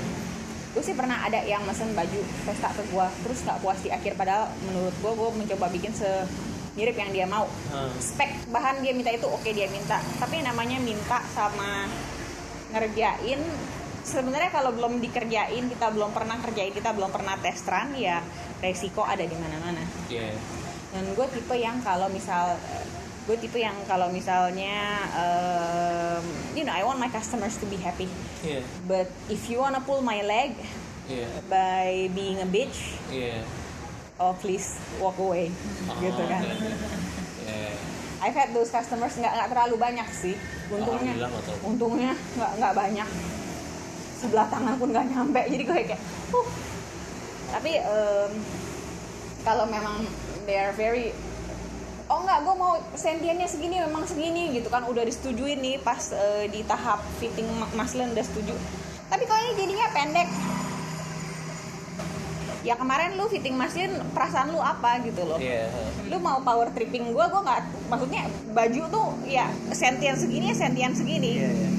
nggak nggak dia nggak bisa kalau lu lagi mau power tripping ini jadi lebih panjang jadi jadi lebih panjang terus udah gitu lu mau lebih pendek dia jadi lebih pendek gitu loh segitu ya segitu range nya Iya. Oh jadi kadang-kadang feeling orang tuh apa ya ngaruh ya? Ngaruh. Ngaruh banget ya. Soalnya apa sih secara perspektif walaupun secara objektif jelas ini settingnya segini gitu tapi orang tuh kadang-kadang ya kalau kata lo tadi kan apakah sebelum fitting pertama dia lagi kesel lagi gimana emosinya terus pas pas yang final ternyata berubah lagi moodnya Iya. perspektif dia juga berubah kan iya. Oh, dan kadang ada customer customer yang memang bisa mengkomunikasikan itu. Jadi gue bisa take itu kan. Gue bisa Iya. oke lah gue bisa forecast nih dari awal nih. Iya, ha. eh, you know he or she needs a little bit more attention. Iya, iya, iya. tapi ada yang tiba-tiba kayak bobok gitu belum meledak. Terus gue kayak ya you never told me your expectations yang your untold expectations yang ini yang ternyata mengubah teknisnya. Kalau lu misalnya ndak itu ya lu nggak bilang gimana caranya gue tau emang gue tukang nujum Iya, nah iya. kalau kalau klien-klien nyebelin atau momen-momen nyebelin gitu kan tuh ibaratnya udah ya udah makanan lah ya udah resiko kerjaan gitu. Resiko Tapi kerjaan. kalau the best client you've ever had yang kayak bener-bener aduh nih gue cinta banget nih oh, dengan yang begini yang sering beli itu yang apa tuh ada nggak? Pernah nggak satu kadang ada klien-klien yang eh, challenge gue sih. Hmm. nyebelin sih yang kayak "Ini orang maunya banyak banget gitu kan. Hmm. aku mau yang beda nggak mau pakai yang kemarin. Kalau kita kan enaknya yang kayak ya itu repeat order. Tapi mau modelnya beda. Terus aku kayak "Ah, aku pikir dulu lah. Eh, tapi eh, kadang klien yang kasih eh, creative space and willing to take the financial risk itu yang gue hargain. Oh.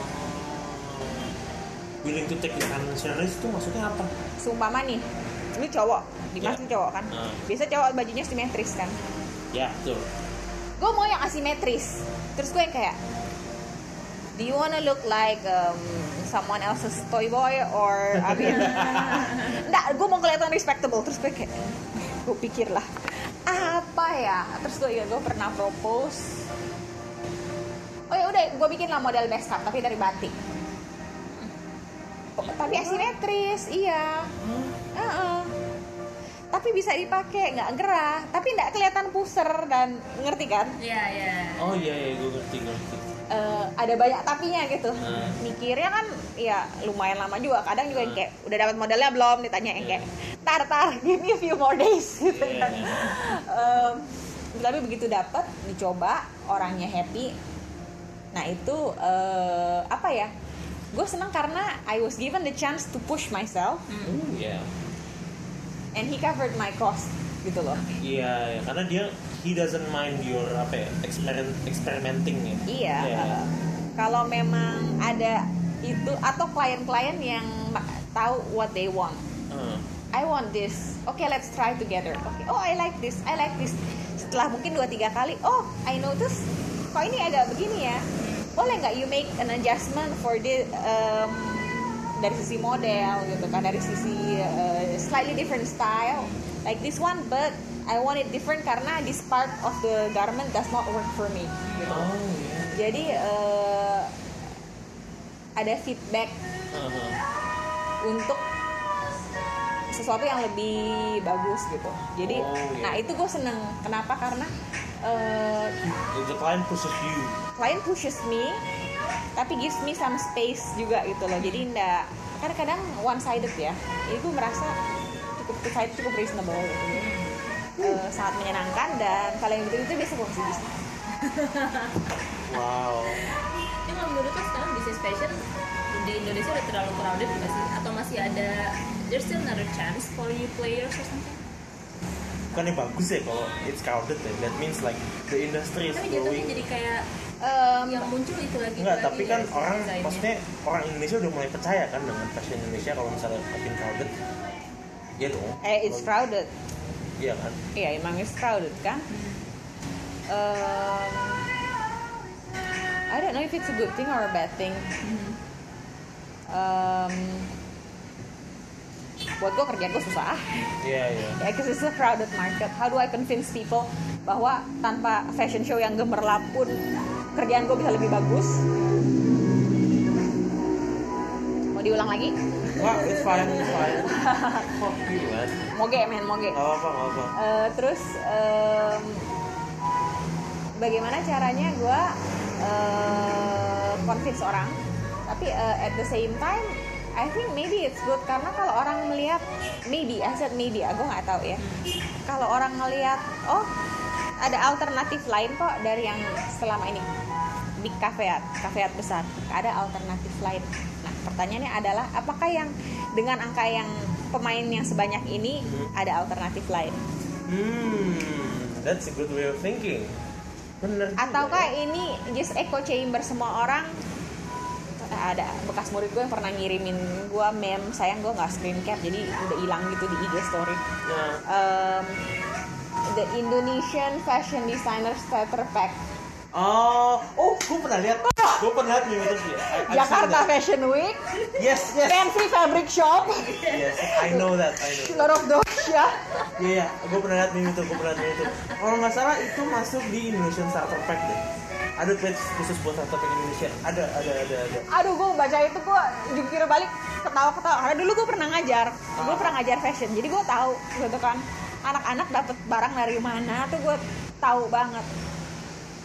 Eh, dan stresnya gue ngarahin anak-anak gue mau begini gue kasih teknik technical. Terus mereka pergi ke Tanah Abang ya orang Tanah Abang mana technical tugas mereka sebagai murid eh, se- sebagai murid kan untuk tahu oke gimana mengkomun ngomong sama orang sales Hah? supaya orang sales ini ngasih barang yang gue minta Iya. haha.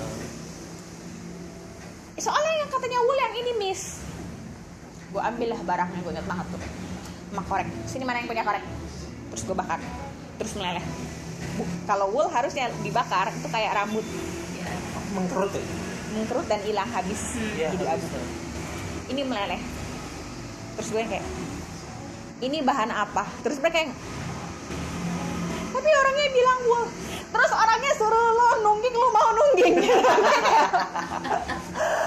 Iya, iya, iya. oh my god tugas mereka tuh jualan barang gitu loh Iya, iya. bukannya ngajarin lo Iya, iya, iya, iya, iya. aduh Oh, oh ternyata gitu ya. Gue baru ngerti ternyata.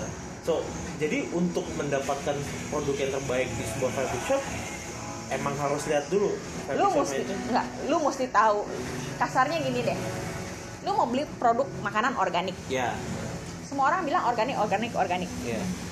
tapi kalau lu mau bilang oh oke organic USDA standard beda sama EU standard. Iya, betul. beda lagi dengan Demeter standard. Iya, iya. beda lagi dengan standar Indo. Orang di Indo manggil organik tuh isinya apa? Apakah pakai pupuk nitro termasuk organik? Iya, iya kan? Iya.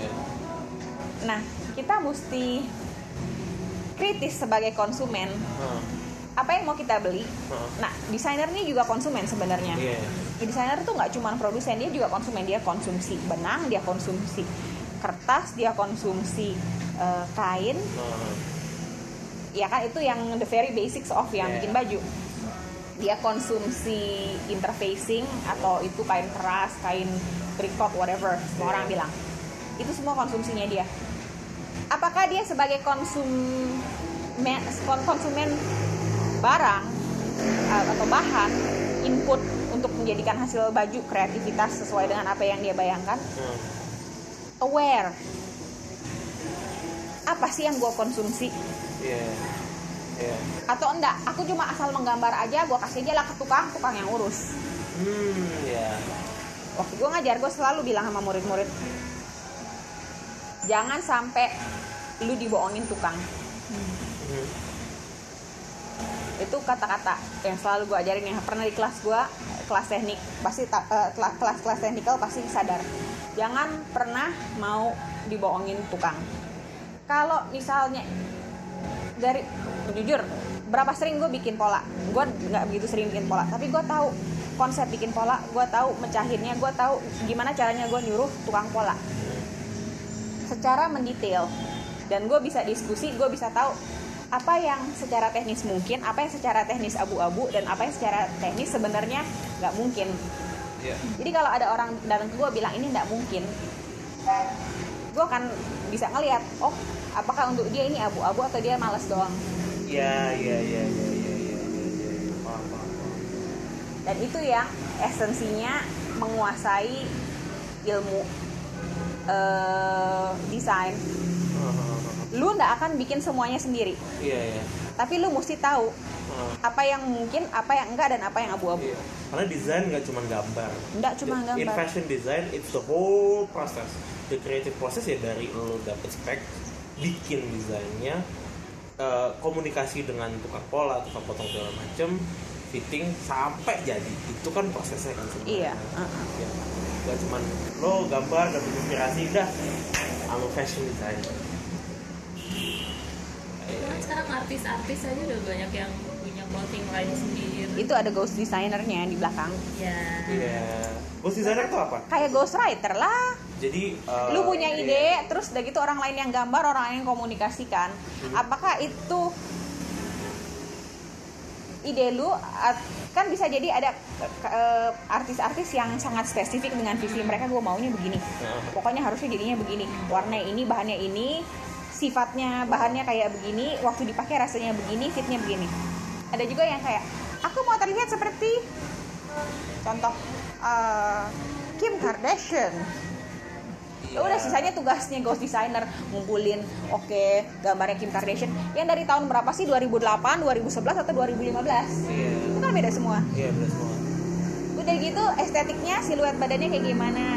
Udah gitu mau dijual ke siapa? Jadi itu kan menentukan fitnya. Sizingnya mecahnya berapa? Gitu kan. Harga targetnya berapa? Nah ini kan harus dipikirin semua. Wah, iya, iya. iya. udah buat anak-anak sekolah fashion nih yang mau bikin clothing line sendiri. Mendingan kerja sama orang lain dulu deh. Nah Oke. itu Oh, dia really? pertanyaannya itu dia pertanyaannya. Sebenarnya masih terbuka nggak sih buat mereka yaudah bikin clothing line sendiri atau mendingan gua nge-brand brand orang aja deh? Saran gue adalah daripada lu bakar duit nggak jelas juntrungannya 99% of the time I will say kerja sama orang dulu. Supaya lu tahu lu mau masuk segmen mana lu udah lebih jelas apakah segmen yang lu impikan itu malah akan menjadi eh, racun buat Iya. lu? Ataukah malah ada segmen lain yang lu belum pertimbangkan sama sekali yang come up? Yang lu nggak pernah pikirkan pas lu sekolah karena lu tiap kali cuma ngelihat laporan dari catwalk gitu kan? Iya, iya. jadi kerjalah sama orang eh, perdalam estetika yang lu mau kejar. Aha. Baru setelah lima tahun lu lihat lagi do I want to have my own business Hmm, ya. karena apakah fashion school menurut lo meng, apa ya, membekali lulusan-lulusannya untuk menjadi entrepreneur? boleh gue bilang sejujurnya enggak Why? Why do you think? Oke, berapa banyak dari eh, dari or, em, fashion graduate yang bisa bikin pembukuan? Straight out of school. Ah, right. How do you know uang lu ke mana? Itu nggak. How do you know your oh nggak nggak banyak sekolah yang ngajarin. How do you know your product will be profitable and you will have enough market eh, apa ya enough customers in the market niche you target untuk beli produk itu. Hal itu yang nggak sama sekali. Enggak. Jarang sekali. Nah itu biasa dimasukin ke fashion marketing, fashion business dan lain-lain. Tapi dipecah. just like lewat aja kan. Cuman fly out aja.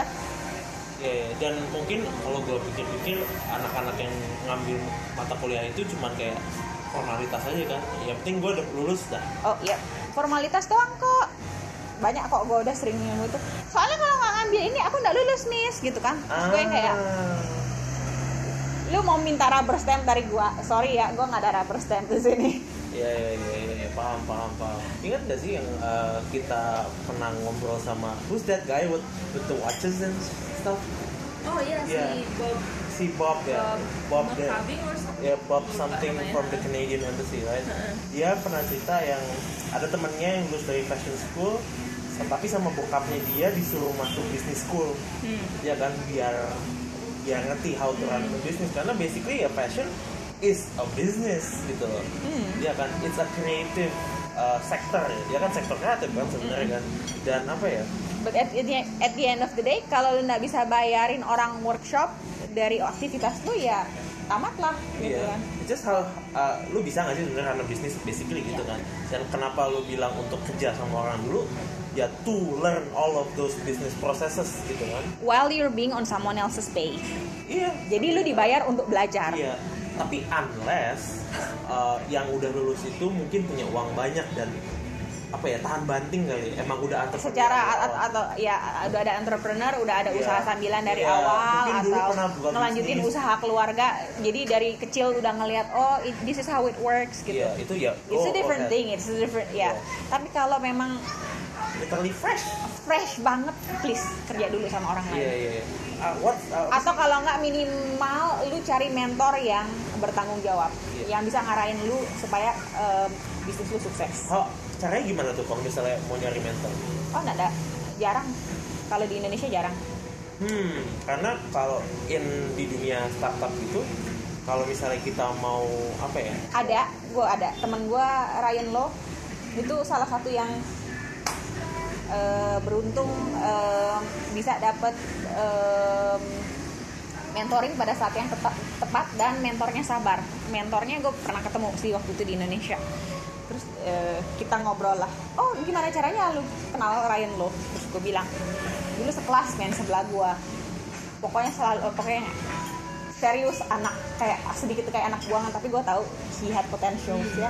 Jadi I believed in him dari awal dan setelah tiga tahun baru dia ngomong ke gue gitu kayak Marsha why are you always so nice to me? I'm always mean to you. Gue cuma noleh ke dia terus gue kayak I'm glad you realize. Iya iya.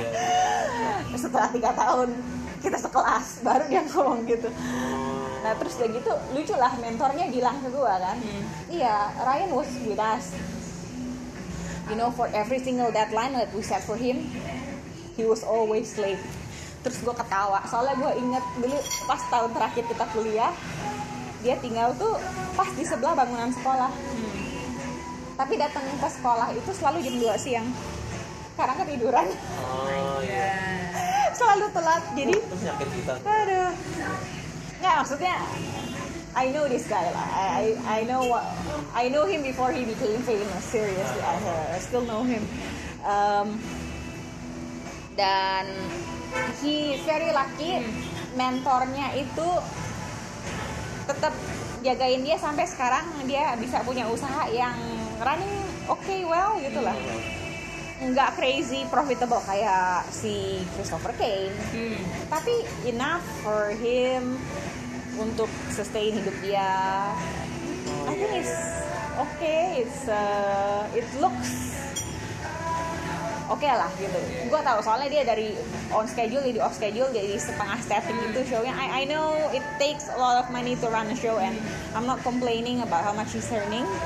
Tapi gue tahu dia masih bisa running begitu masih ada um, creative feedbacknya buat dia gue buat gue I'm very happy gitu loh. Dia oh, mentornya dia tuh dulu ngejagain dia sampai dia bisa kayak gitu. Karena gue tahu banget nih anak semuanya telat gitu loh. Pokoknya aduh kri- eh, eh, mimpinya besar terus udah kita kayak ih under deliver gue tahu. Dulu sempat kerja sama Christopher Kane kan. Apa sama brand apa sih waktu itu? Lo pernah cerita sama gue lupa sebentar doang. Udahlah jangan dianggap. Gimana sih bedanya antara eh, rumah mode di luar sama di Indonesia dari kalau dilihat dari sudut pandang mereka bikin timnya ya? Eh, timnya itu lu dikasih responsibility dikasih tanggung jawab lebih besar. Hmm. Eh, jadi apa yang lu dikasih tanggung jawab lu harus selesaikan apakah lu akan, akan akhirnya gue waktu itu cuma dapat retainer. Retainer gue apa ya? Uang transport dibayarin. Tiket transport dibayarin Em, itu gue mesti tanggung jawab. Kalau gue telat gue dimarahin. Kalau gue disuruh ngerjain sesuatu gue mesti kerjain sampai selesai selesai. Jadi kalau misalnya jam kantor selesai jam 5 nih gue pulang jam 5 kerjaan belum kelar. Eh, itu auranya tuh udah jelek banget lah. Jadi gue mungkin lebih gue lebih lebih memilih untuk stay sampai jam 7 ngelarin kerjaan baru pulang. Uh, apa sih mistake yang dilakukan oleh new fresh uh, fashion school cats like apa sih? Uh, mistake apa yang dilakukan oleh graduate graduate fashion school di Indonesia? Yang paling common yang lo lihat selain mencoba untuk langsung buat brand gitu aku nggak tahu karena aku apa ya apa ya? Apa ya? Iya biasa sih langsung bikin brand. Ya ap- itu ap- mistake number one ya. Nah, mistake apa yang dilakukan oleh banyak brand baru yang dilakukan yang dibuat oleh Jet Jets itu yang membuat mereka gagal? karena setting the standards too high atau mereka terlalu nyari nyari referensinya yang mungkin kurang cocok sama customer di Indonesia atau? Jujur gue saking sibuk sama kerjaan sendiri sampai nggak ngebayangin ke situ. Gue kadang yang kayak why is my thing not working gitu kan. Terus iya. eh, eh, jadi gue nggak pernah em, mikir sampai segitunya menurut gue sih ujung-ujungnya sih di distribusi lagi eh, apakah kita menguasai jalur distribusi? Dan yang menguasai jalur distribusi biasanya yang marketingnya kencang. Ah, sehingga mereka bisa masuk di Dep Store. Um, karena kan lu mesti convince buyer kan? Iya, lu mesti iya. convince institutional buyer. Hmm. institutional buyer di Indonesia mau di convince kalau diundang ke fashion show. Dan kalau mereka diundang oke mereka terima undangan apa yang membuat mereka datang if it's something that is worth turning up to Iya. terus what is motiv motivasinya apa oh ini fashion show-nya sini lagi hot Oh.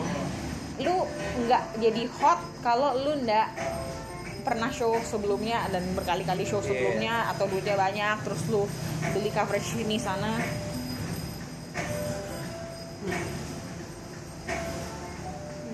Iya. interesting jujur lah kita lihat eh, kita ambil contoh eh, Dep Store kalau di Jakarta sentral ya siapa yang jualan di sentral Eh, mereka udah berapa kali fashion show baru mereka jualan di sentral Oh yeah, that's right. Oh yeah, right. dan yang dijual bukan yang mainline Oh yang iya, diffusion iya. line Oh iya benar ya. Hmm. ini agak-agak trivial gue akan sebutin beberapa desainer Indonesia Oh, dan lo sebut. harus lo harus sebutin satu hal yang langsung pop up in your mind Oh man, begitu lo denger orang itu gue berasa zaman old banget nih. itu, itu dari segi eh, desainnya atau mungkin fame-nya dia yang bikin dia ngetop atau Anything that popped in your mind. Aku mau mohon maaf pada mereka yang aku kenal dulu ya, in, eh, beforehand ya. Soalnya otak gue rada-rada uh, cord flat. Bring it on. kita mulai dari yang dari tadi udah sebutin nih Lulu Lutfi lagi Hai Lulu, aku udah lama gak main ke tempatmu. Sabto Joyo Oh sepatunya. Alex Saverio Eh, masih bikin kostum, Peggy Hartanto Eh, masih bikin celana. dan Jo Hyoji Em, banyak loh fansnya dari ex murid-murid tuh. Barli Asmara Kembang, kembang. Bian Iya, right. Bian, kembang-kembang senior. Sebastian Gunawan Really? Do I have to comment? Dian Pelangi Eh, semoga well it's tough running a, a family business and being expected to be seen as fresh karena jujur setelah lu belasan tahun in the business pasti berasa enak juga Alexa Alexa. Oh. Still on? Ya ya actually still on right? masih ada ya? Cuman uh, I, I never really buy into the aesthetic sih. Oke Jeffrey Tan another one of those lulusan uh, baju-baju pesta cantik Patrick Owen. Uh, I know that someone I know um, criticized him for copying, but to be honest, I don't know the guy and I only pay attention to that one collection, so ya udah. Eh ngomong-ngomong soal copying, lo ngikutin ini gak sih? Diet Prada atau social symptom atau zaman dulu ada nyinyir fashion? Yeah. Um, but I think after a while, you know, a little bit of nyinyir is nice, but kalau lu if you do too much nyinyir, if you spend too much time nyinyir, you end up ya kerjaan lu jadi nyinyir melulu, terus ide lu abis gitu. Jadi gue sempet ngikutin diet Prada dan masih masih gue masih follow diet Prada. Kalau yang di luar itu ada Diet Prada, kalau yang versi Indonesia Indonesia ada nyinyir. social symptom.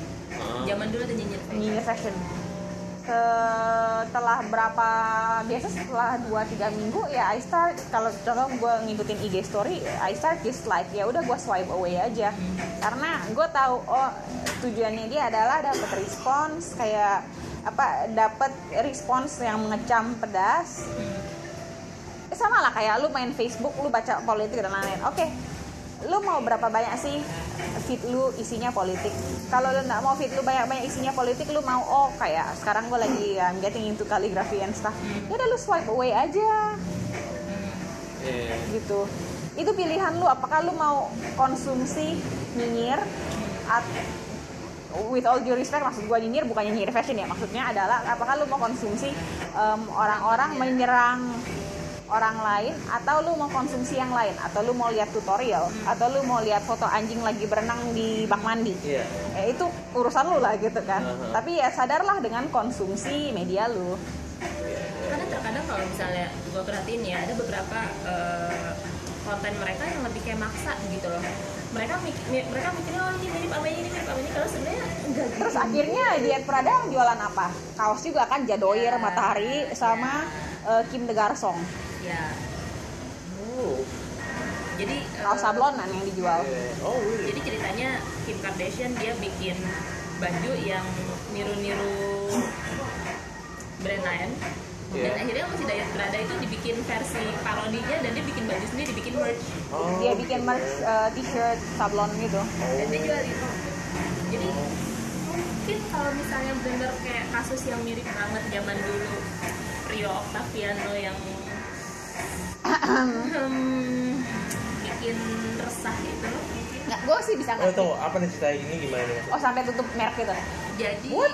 jadi gini eh, itu tahun kapan ya tiga tahun Mungkin tiga tahun apa? lalu, Iya iya Rio Octaviano bikin show di JV dan masuk Dewi Fashion Icon iya. dan dia ternyata semua bajunya itu benar-benar mirip sama desainer luar NYFW.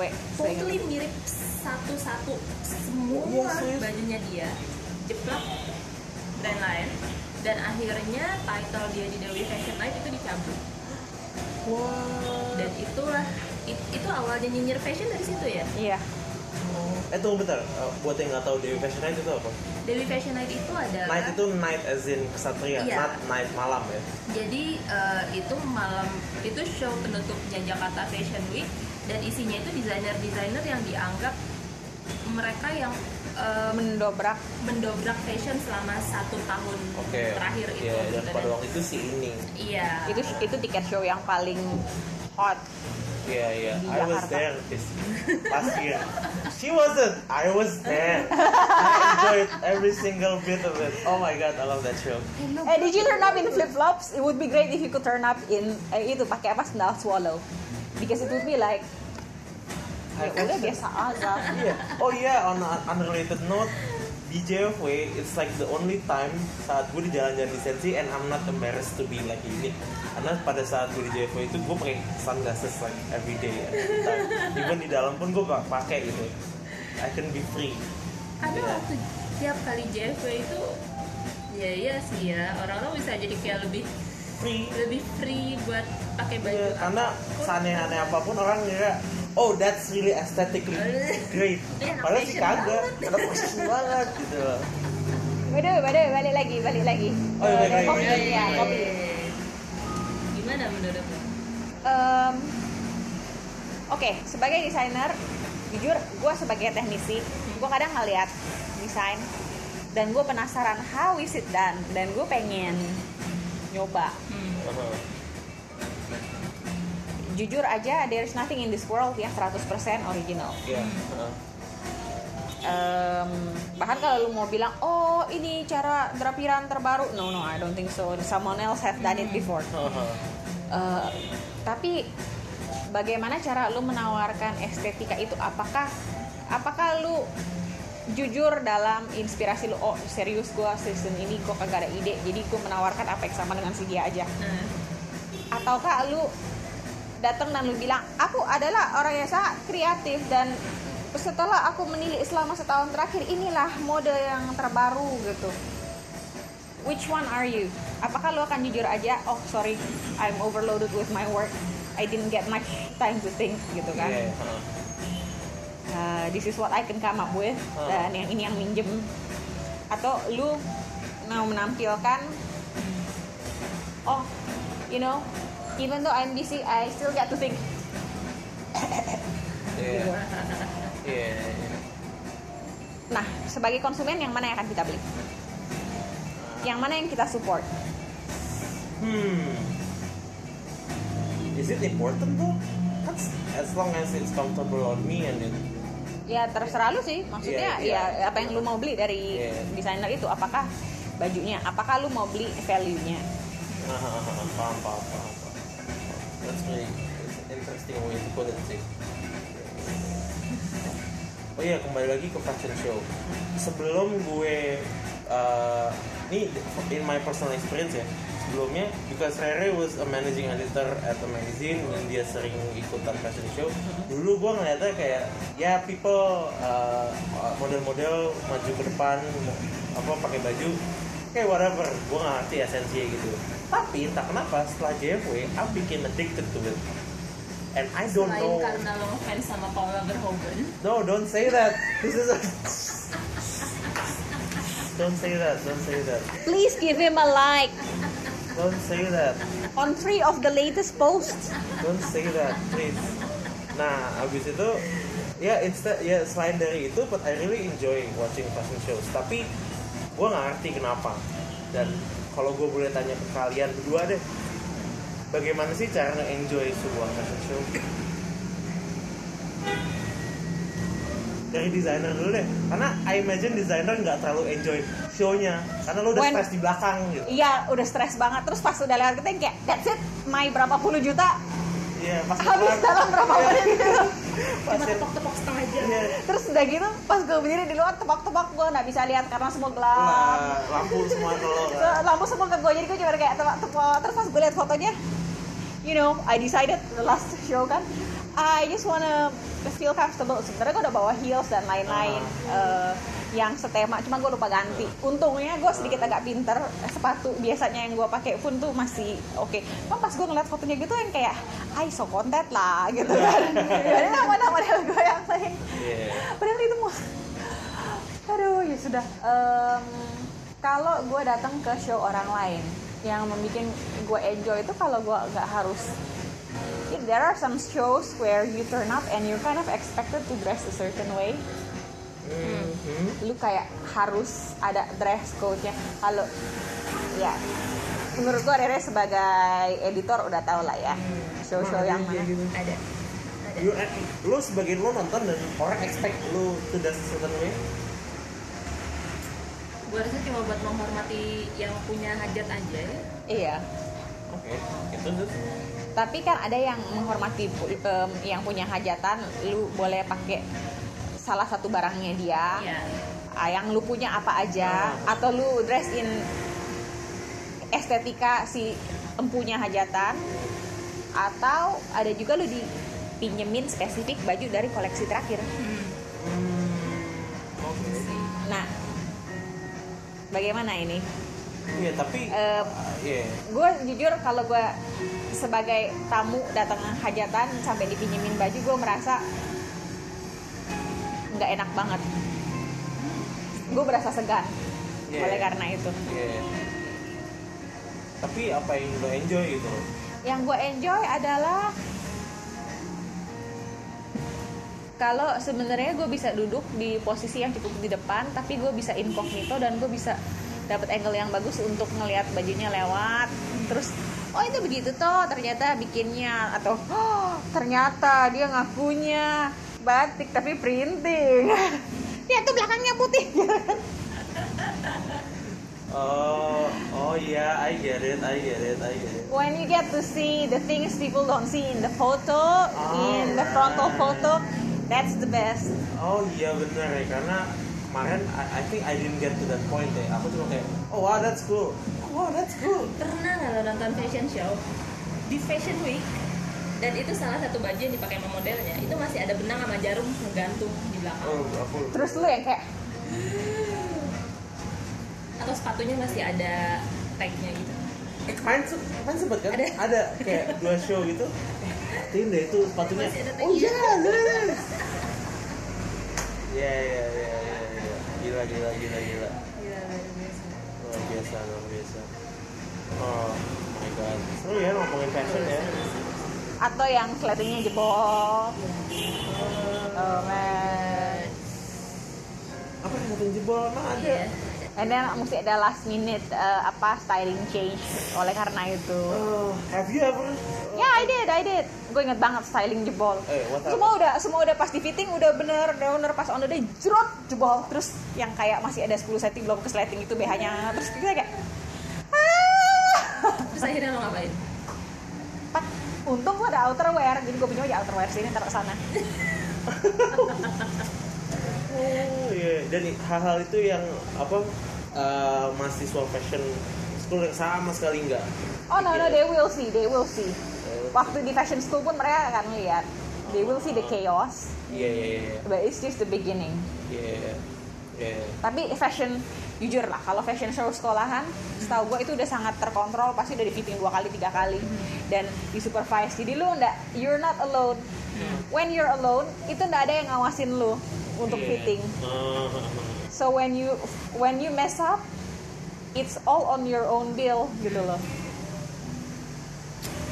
Tapi kadang justru waktu ada show yang kita ngeliatnya ini very very risky and it seems like just itu gimana maksudnya? disaster waiting to happen. Kayak contohnya ini satu fashion show yang sampai sekarang masih jadi favorit gue. Itu JFW gue lupa 2012 atau 2013 pokoknya pas Dewi Fashion Night-nya eh, Augustus Susastro Tex Saverio Sabto Joyo Kartiko. Itu masih jadi favorit gue Sabto Joyo Kartiko. Waktu itu bawa koleksinya yang sang randeng girah dia itu sepatunya Hmm. Wah gue susah ngejelasinnya gimana pokoknya itu tinggi banget dan modelnya semua modelnya juga takut jalannya tuh bener kayak cuman satu senti satu senti gitu Lama ya berarti jalannya. lama banget dan lu ngerasa yang kayak when is this gonna Iya, it's like kayak, you feel horrible Totally disaster waiting to Yeah. happen, but it ends up really really perfect. Dan sampai sekarang itu jadi fashion show favorit gue. Iya iya. iya. Dan akhirnya itu ditutup sama koleksinya Tex Saverio yang dia pakai ukiran-ukiran metal. oh ya gue ingat itu ya macam. eh you were there ya Iya. Heeh. Itu masih jadi favorit gue sampai sekarang. itu kayaknya yang Biasa. salah satu show pertama yang gue pergiin di dapat undangan terus udah gitu semua orang bilang yang kayak this is the guy terus gue yang kayak what guy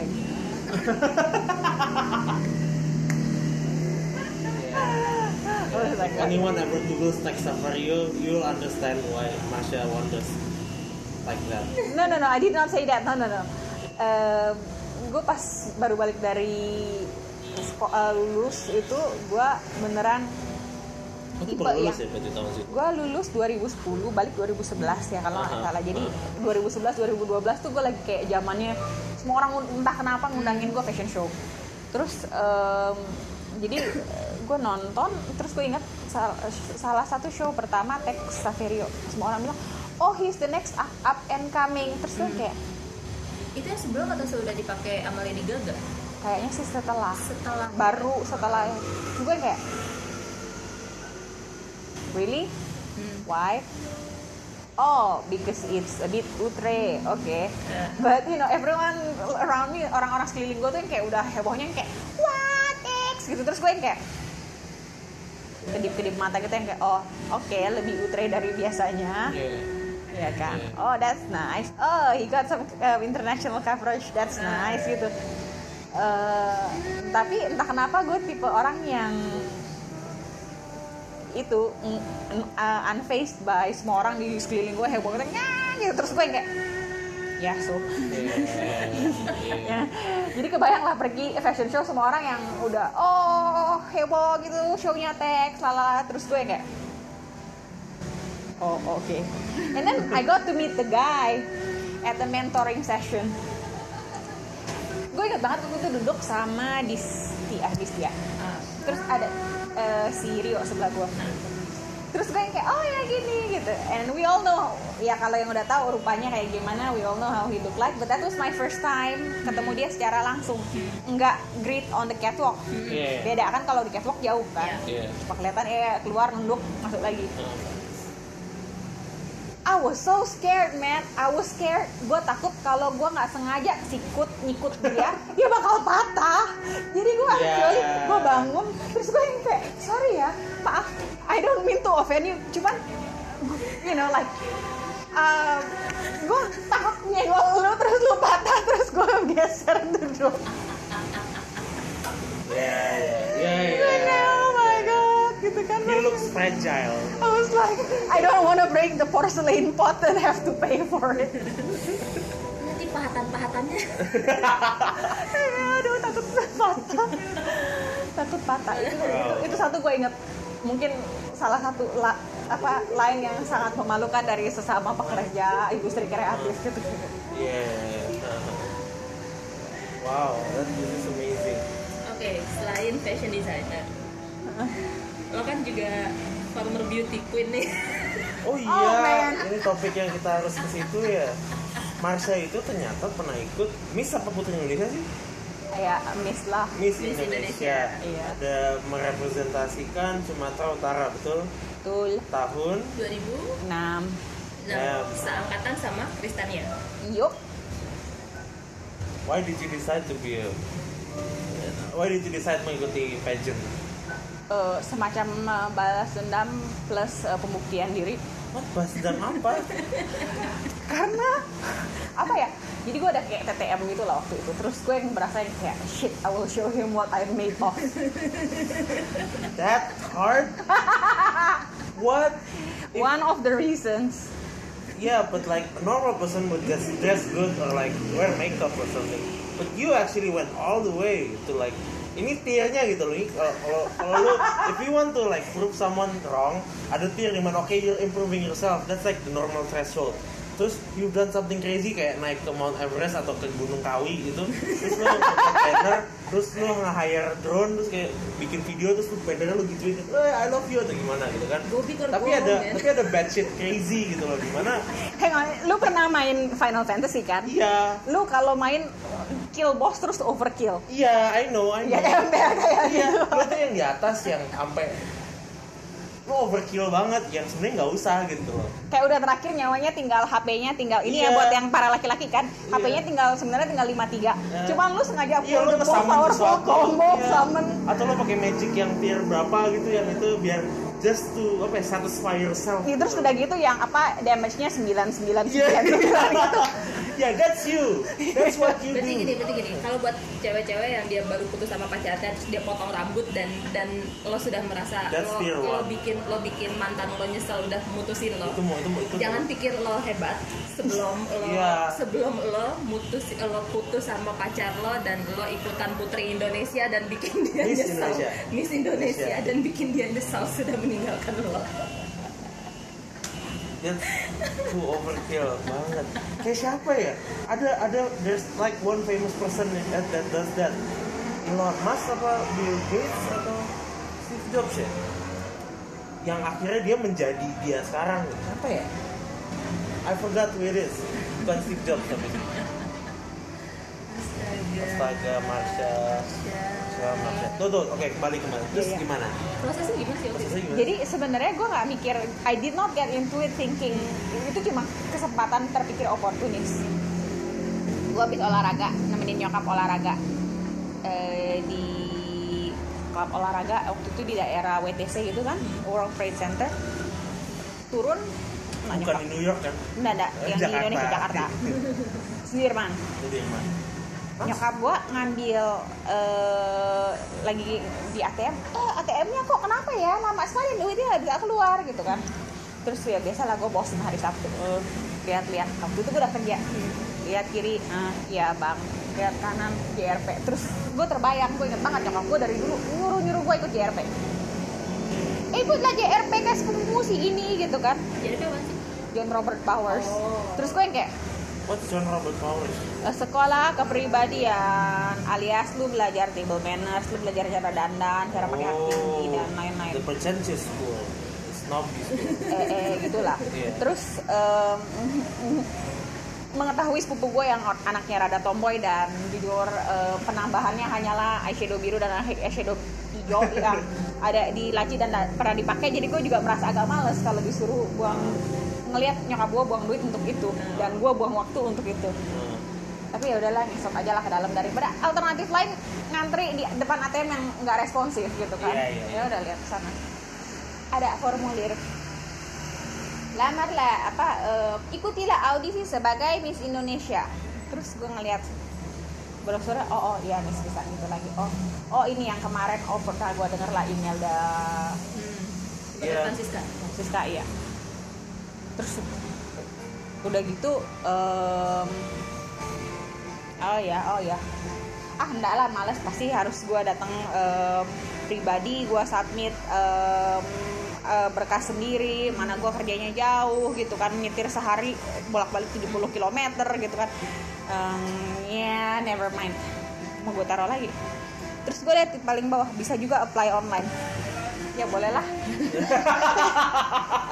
hemat trip gue pikir kan masukin aja ke Emang tas itu uh, apply-nya di mana sampai lu waktu itu banget? a- eh, nggak tahu gue nggak ngeliat kan cuman gue mikirnya males iya, karena iya. gue waktu itu tinggalnya Jakarta Pusat coret terus kerjanya Cilandak men yang kayak Yeah, that's a oh, bo overdrive. enggak lah nggak mau Dan lah infrastruktur tahun 2006 belum sebagus sekarang. yo Even more shittier deh. jadi gue yang kayak hmm, oh lu yaudah nanti gue bisa kerjain di rumah kalau gue ada waktu. Terus gue masukinnya mepet-mepet kayak tiga hari sebelum gitu kan. Aha. nyari-nyari lah foto-foto gue di pesta yang pakai baju strapless yang belum banyak yang pakai itu dan semua orang injekin apa buntutnya waktu itu kalau ke pesta. Kalau sekarang they know how to stay away from the dress. But before they were stepping on it. Aha. jadi gue tiap kali habis pesta gitu yang kayak mesti gue dry clean lagi. Ya, ya ini kotor gitu kan. Mak gue yang kenapa sih harus pakai baju gitu? Terus gue kayak biar beda. Anyway gue masukin aplikasinya. Dan gue berharap oke nanti bakal eh, ita- entahlah ah, ya udahlah iseng-iseng berhadiah. Eh dipanggil men untuk interview. Jadi waktu itu gue interview sekali terus ada kedua kali. Jadi gue eh, I think they could not decide antara gue atau orang lain. Jadi gue dipanggil interview kedua. Oh interview pertama gue inget ditanya siapa perdana menteri eh, Singapura. Dan jujur gue lupa karena perdana menterinya baru ganti. Gue bilang bukan Gok Chok Tong karena baru ganti. Gue inget ada hubungannya sama eh, Lee Kuan Yew. Tapi bukan Lee Kuan Yew. Iya. terus gue tapi gue ngomong aja gitu. Gue nggak tahu siapa tapi yang gue tahu pasti bukan Gok Chok Tong dan ada hubungannya sama si Lee Kuan Yew. Lee Kuan Yew. Gitu kan. Kan Lin Lin Siu Yang kan? Iya. and for some funny reason si pe- pewawancara itu me- he found my answer very funny Karena lu ngomongin kayak I was just being honest gitu loh Iya. what I know is segini gitu loh Iya. dan akhirnya lo dapet dan akhirnya gue dapat disuruh di interview kedua ada gue sama ada satu cewek lagi waktu itu Bentar deh, pas interview pertama itu, do you see the other girls? yeah I did Do you feel like, ah, they're trying too hard, look at me, I'm not even trying. actually I was trying a bit.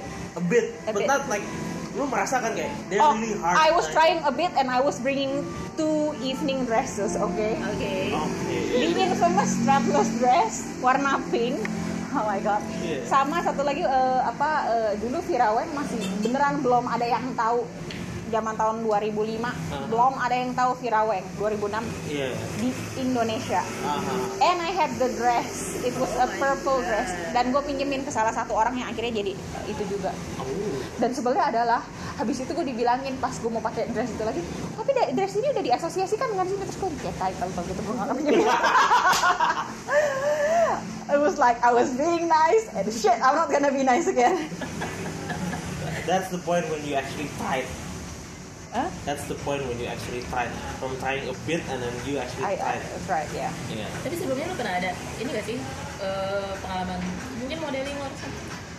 ya tau lah kalau punya teman oh anak fotografi jadilah kau model terus yang Oh, iya. oh does it mean I'm beautiful seriously dia cuma nyari orang yang jadwalnya available Oh, aja iya, buat latihan ya. ya. Habis itu habis interview kedua, Hah? kedua bedanya apa dengan interview kedua itu di- mereka udah tahu oke mereka akan taruh gua eh, sebagai ini kandidat Miss Sumatera Utara gitu Iya. kan ada satu lagi tapi we cannot choose basically that's what they're trying to get at Ah, ah.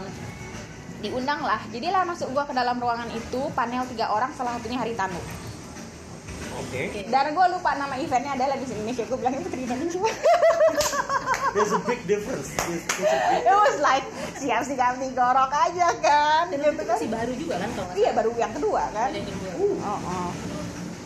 Terus ya gue ngomong pakai bahasa Inggris lah karena dia, dia pancing bahasa Inggris ya udah. Anyway eh, otaknya jalan juga pakai bahasa Inggris ya ngomong aja segala macam la la la la la. Keluar keluar semua chaperone apa keluar keluar kan ganti sama kandidat satu lagi. Terus semua chaperone bilang selamat selamat kayak kayaknya kamu yang dapet. Kayaknya. Terus gue yang kayak what? Dan maksud dalam hati gue kayak please lah nggak usah naik naikin harapan gue lah ya. Iya. Just, just untuk compensate nggak usah lah ya. Gitu maksud perasaan gue begitu. Kenapa? Kamu di dalam lama banget loh 15-20 menit. Ah masa? Terus gue ngeliat, jadi kan karena yang depan gue baru masuk, ah masa? Terus gue insting, insting gue, gue langsung lihat jam dong. Hmm. Oh mulai jam segini. Ah. 5 menit kemudian anak itu keluar. Terus gue kayak I feel so bad karena gue dari tadi ngobrol satu setengah jam nungguin si bapak-bapak ini siap sama dia terus gue udah nawarin pulang. Jadi gue yang kayak sambil nyetir tuh yang sambil yang kayak oh I feel so bad for her. Kayaknya cuma lo doang in the history of Miss Indonesia yang lo feel bad for actually making it. I think so. And you actually, sih? Yeah, you she felt bad. You gue nyetirin pulang karena gue udah nawarin dong nggak bisa gue kayak eh, sorry I have something. Gue gak enak lah gitu ya kayak lu tahu studio RCTI di mana kan? Iya iya iya dan zaman itu kan nggak ada Gojek, men. Jadi gue Iya. gue bilang gue udah janji nanti gue anterin gue drop di Trisakti gitu karena gue nyetir. Terus sepanjang perjalanan sampai Trisakti itu gue kayak, ayo, terus dia kayak, iya nanti kabar-kabarin ya. Hope for all the best terus gue kayak, oh, I feel like, jup jup jup jup. And the girl, actually, she wants to stab you because I think she knows that. You know what? I think I'm not gonna make it. I actually want to kill this girl right now. I made it. lo tuh masuk top berapa Eh, aku nomor dipanggil nomor 12 dari 15 itu. Damn, that's actually really good. That's a good one. That's a good one. How prosesnya gimana sih pas itu camp ya? audisi? Itu kayak camp gitu. Iya ya? kayak camp gitu aja. Ngapain aja sih? Kalau dulu HP disita loh. Kalau sekarang kan disuruh tuh tweet segala Iya. macam. Iya, iya. Dulu HP disita. Ngapain aja sih? Nggak jelas. Ih, Latihan banyak sama Ari tulang. Terus nggak dikasih makan. Terus kita kayak mutiny gitu. Kau dikasih makan harusnya ada yang ngomong. Kita mau makan nasi padang kalau dikasih nasi padang pasti inget deh kan. Cuman gue yang nyatet gaya formasi di buku gitu kan. Terus si Ari tulang bilang itu tuh kayak Marsha tuh nyatet terus semua orang kayak Marsha mana catatan lu terus gue kayak wah semua orang cari muka terus nginjek catatan gue gitu kan emang lu ngerti gitu kan Did you try hard though? Do you like, okay, I'm, I'm gonna, I'm gonna win this. I'm gonna win this. No, I didn't. I I just wanted to try enough. Like Enough. karena gue background gue itu anak-anak yang lain belum kerja gue tuh udah kerja jadi gue merasa ya beda lah gue cuma mau nunjukin bahwa levelnya anak sekolahan sama orang udah kerja itu beda oh. I'm more responsible itu Iya, umur berapa iya. 22 karena Oh, sekarang oh. kalau yang ikutan beauty pageant itu di bawah 20 ya kebanyakan sekarang Kan- kuliah ya paling ya Iya, soalnya mereka eh, jadikan itu batu loncat, batu eh, loncatan untuk modeling career. Gue Ya. dulu kan cuman ya iseng-iseng berhadiah. ternyata berhadiah Hadiah banget sih. Do you ever feel ya, ya kata gue tadi ya, do you ever feel like I'm not even trying bitches? Oh, sih. Nah, it's a bit like there's trying and there's me. tapi apa sih yang yang eh, yang cewek-cewek cantik di luar sana yang mau ikutan beauty pageant but they never expect things will happen apa sih yang yang belum banyak orang tahu tentang beauty pageant Lu akan bangun jam 4 pagi Buat sholat subuh. dan sebelum sholat subuh kamar lu udah diketok. Oke. And then lu baru tidur katanya oh selesai latihan jam 10 tapi biasa overrun jadi jam 11 dan kemudian setelah briefing akhirnya masuk kelas jam 12 kalau lu beruntung dan temen lu itu suka ngobrol kam- eh, atau berantakan nggak bisa beresin kamar sendiri itu ya jam satuan lah lu baru tidur. Jadi lu tidur 3 jam Iya. kira-kira. Tapi kalau gua karena waktu itu gua somehow gua orangnya rada-rada tebal muka juga sih. Eh, jadi waktu itu nomor urut gue 33 jadi gue dapet kamar harusnya sama chaperone. Tapi entah kenapa mungkin karena vibe gue si chaperone ini milih tidur sama teman-teman chaperone lain pet-petan jadi gue dapet kamar yang harusnya cuma dua eh, yang untuk dua orang cuma buat gue sendiri. Iya. I like it so much. Berarti nggak ada orang yang grecokin barang gue gue pulang tuh kamar bersih. Gue ngeliat sempet ngintip kamar teman-teman yang lain gitu yang kayak Pasar Tanah Abang. nyokap gue lucu gitu kan dia bilang iya mama lihat ada yang di balik eh, perjalanan Miss Indonesia itu ada satu kamar yang paling rapi terus gue yang kayak iya ma itu kamar gue terus dia nggak percaya mak gue nggak percaya men Wow. Itu Bali ya? Hah? Itu di Bali ya? Enggak, enggak di Jakarta di hotel Twin Towers yang itu kalau lu naik dari apa tol eh, Taman Anggrek yang warna-warni merah, hijau, kuning. That's the one. Ya, itu. Oh, yeah, that's the one. That's the one. Ah, dulu diajarin apa ya? Formasi, what? Formasi kan Main itu bola. kan kan yang buat itu kan yang nari-nari nari-nari di depannya koreografi lu masuk ke mana masuk ke mana gitu loh Oh, stage choreography do you do any smart stuff? I thought untuk jadi Miss Indonesia you actually have to be smart.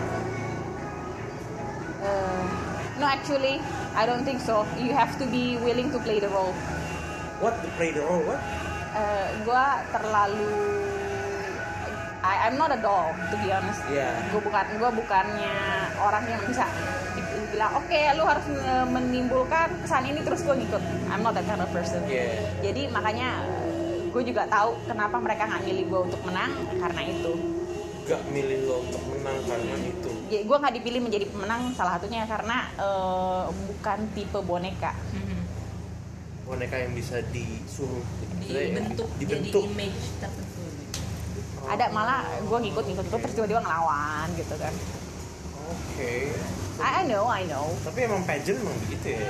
biasanya You pengen have to be gitu coachable, right? Kayaknya kalau yang di luar lebih serem ya I don't know I've Sampai never been yang kayak sexual harassment. no no no no you know yang like kayak yang anoreksik orang-orang yang kayak terlalu bener harus Oh, ngejaga ada. diet gitu Nah, eh, bahkan di sini gitu, aku ingat kok eh, the day after the grand final kan aku ketemu Christy, terus dia yang kayak komplain, mahkotanya berat, terus gue yang kayak hehe, that's the price of winning. gitu. terus gue makan es krim, terus dia kayak shit, mereka lu tahu nggak mereka nyuruh gue diet, terus gue yang kayak gue ngeliat badannya Christy waktu itu kan yang kayak udah langsung gitu kayak hari ini ada kidding, iya disuruh kurang berapa kilo lah lah lah gitu, terus gue kayak I was eating my cream here for you. Don't, just don't tell them I gave them to you. gue ambil lagi yang lain. Terus dia kayak, oh thank you. Pakai. Jadi eh, memang the pressure is always there. Hmm. Wow, that's amazing. Mana orang yang don't even try tapi lu bisa. Ya, lu tuh hebat sih. I, I, I give my applause to you. But I thought you said earlier I didn't overkill. Iya, enggak. Maksudnya lo overkill in the efforts of trying to make your TTM jealous atau menyesal lah. Tapi lo gak try hard gitu loh. Da- Dan akhirnya gimana respon dari TTM? Iya, responnya? Enggak tuh. Aku udah gak peduli sih sebenarnya. You succeed. Overkill tersebut sukses karena lu sudah bisa move on. Iya. Lu sudah bisa letting go gitu. By the way, we have to wrap this up. Udah mau dua jam gitu. Yo, So uh, thank you Syah Uh-uh. again for this lovely talk. Uh, Bisa follow lu di mana? Eh, Instagram gue yang kadang public dan kadang eh, private yaitu M A R S V eh maaf. Mama Alfa Romeo Sierra Hotel Victor Delta Alpha. Ya, kalau clothing line lo fashion line lo. Dongengan Nah, Delta Oktober November Golf Echo November Golf Alpha November uh Gak ada dua ya kalau. Ya, satu lagi Marsha the label Mama Alpha Romeo Sierra Hotel Alpha Tango Hotel Echo 5 Alpha. Bravo um, Echo 5 Oke. Follow itu. Do you have any YouTube account or anything? No. No I used to have Twitter but if you see my Twitter it's been dead since 2007 Yeah, but you can find some embarrassing stuff there, right? Yeah yeah you can find No no you cannot find embarrassing stuff over there Iya. Untuk Rere bisa follow di Instagram. Bisa follow di Instagram uh, rere.adisti Ya. Uh, Adisti, Eja aja. Romeo Echo Romeo Romeo Echo dan Alpha Delta Yankee Sierra Tango Inggit. Ya. Uh, oh iya dan follow juga startup kita at pepperpop dan pepperpop.com. Uh, Jadi dan- kalau misalnya lu dapat jasa apa beauty yang kurang memuaskan boleh nanya-nanya di situ. Boleh. boleh. Harusnya tadi udah ngomongin. Ya, for Ah, it's okay, time. it's okay, for another time. Oke, thank you Marsha. harus bikin episode 2 Iya, thank you Mar, ya. thank you Marsha, Thank you, Dimas. thank you Rere. Thank you. Uh, I'll see you guys like in a few seconds.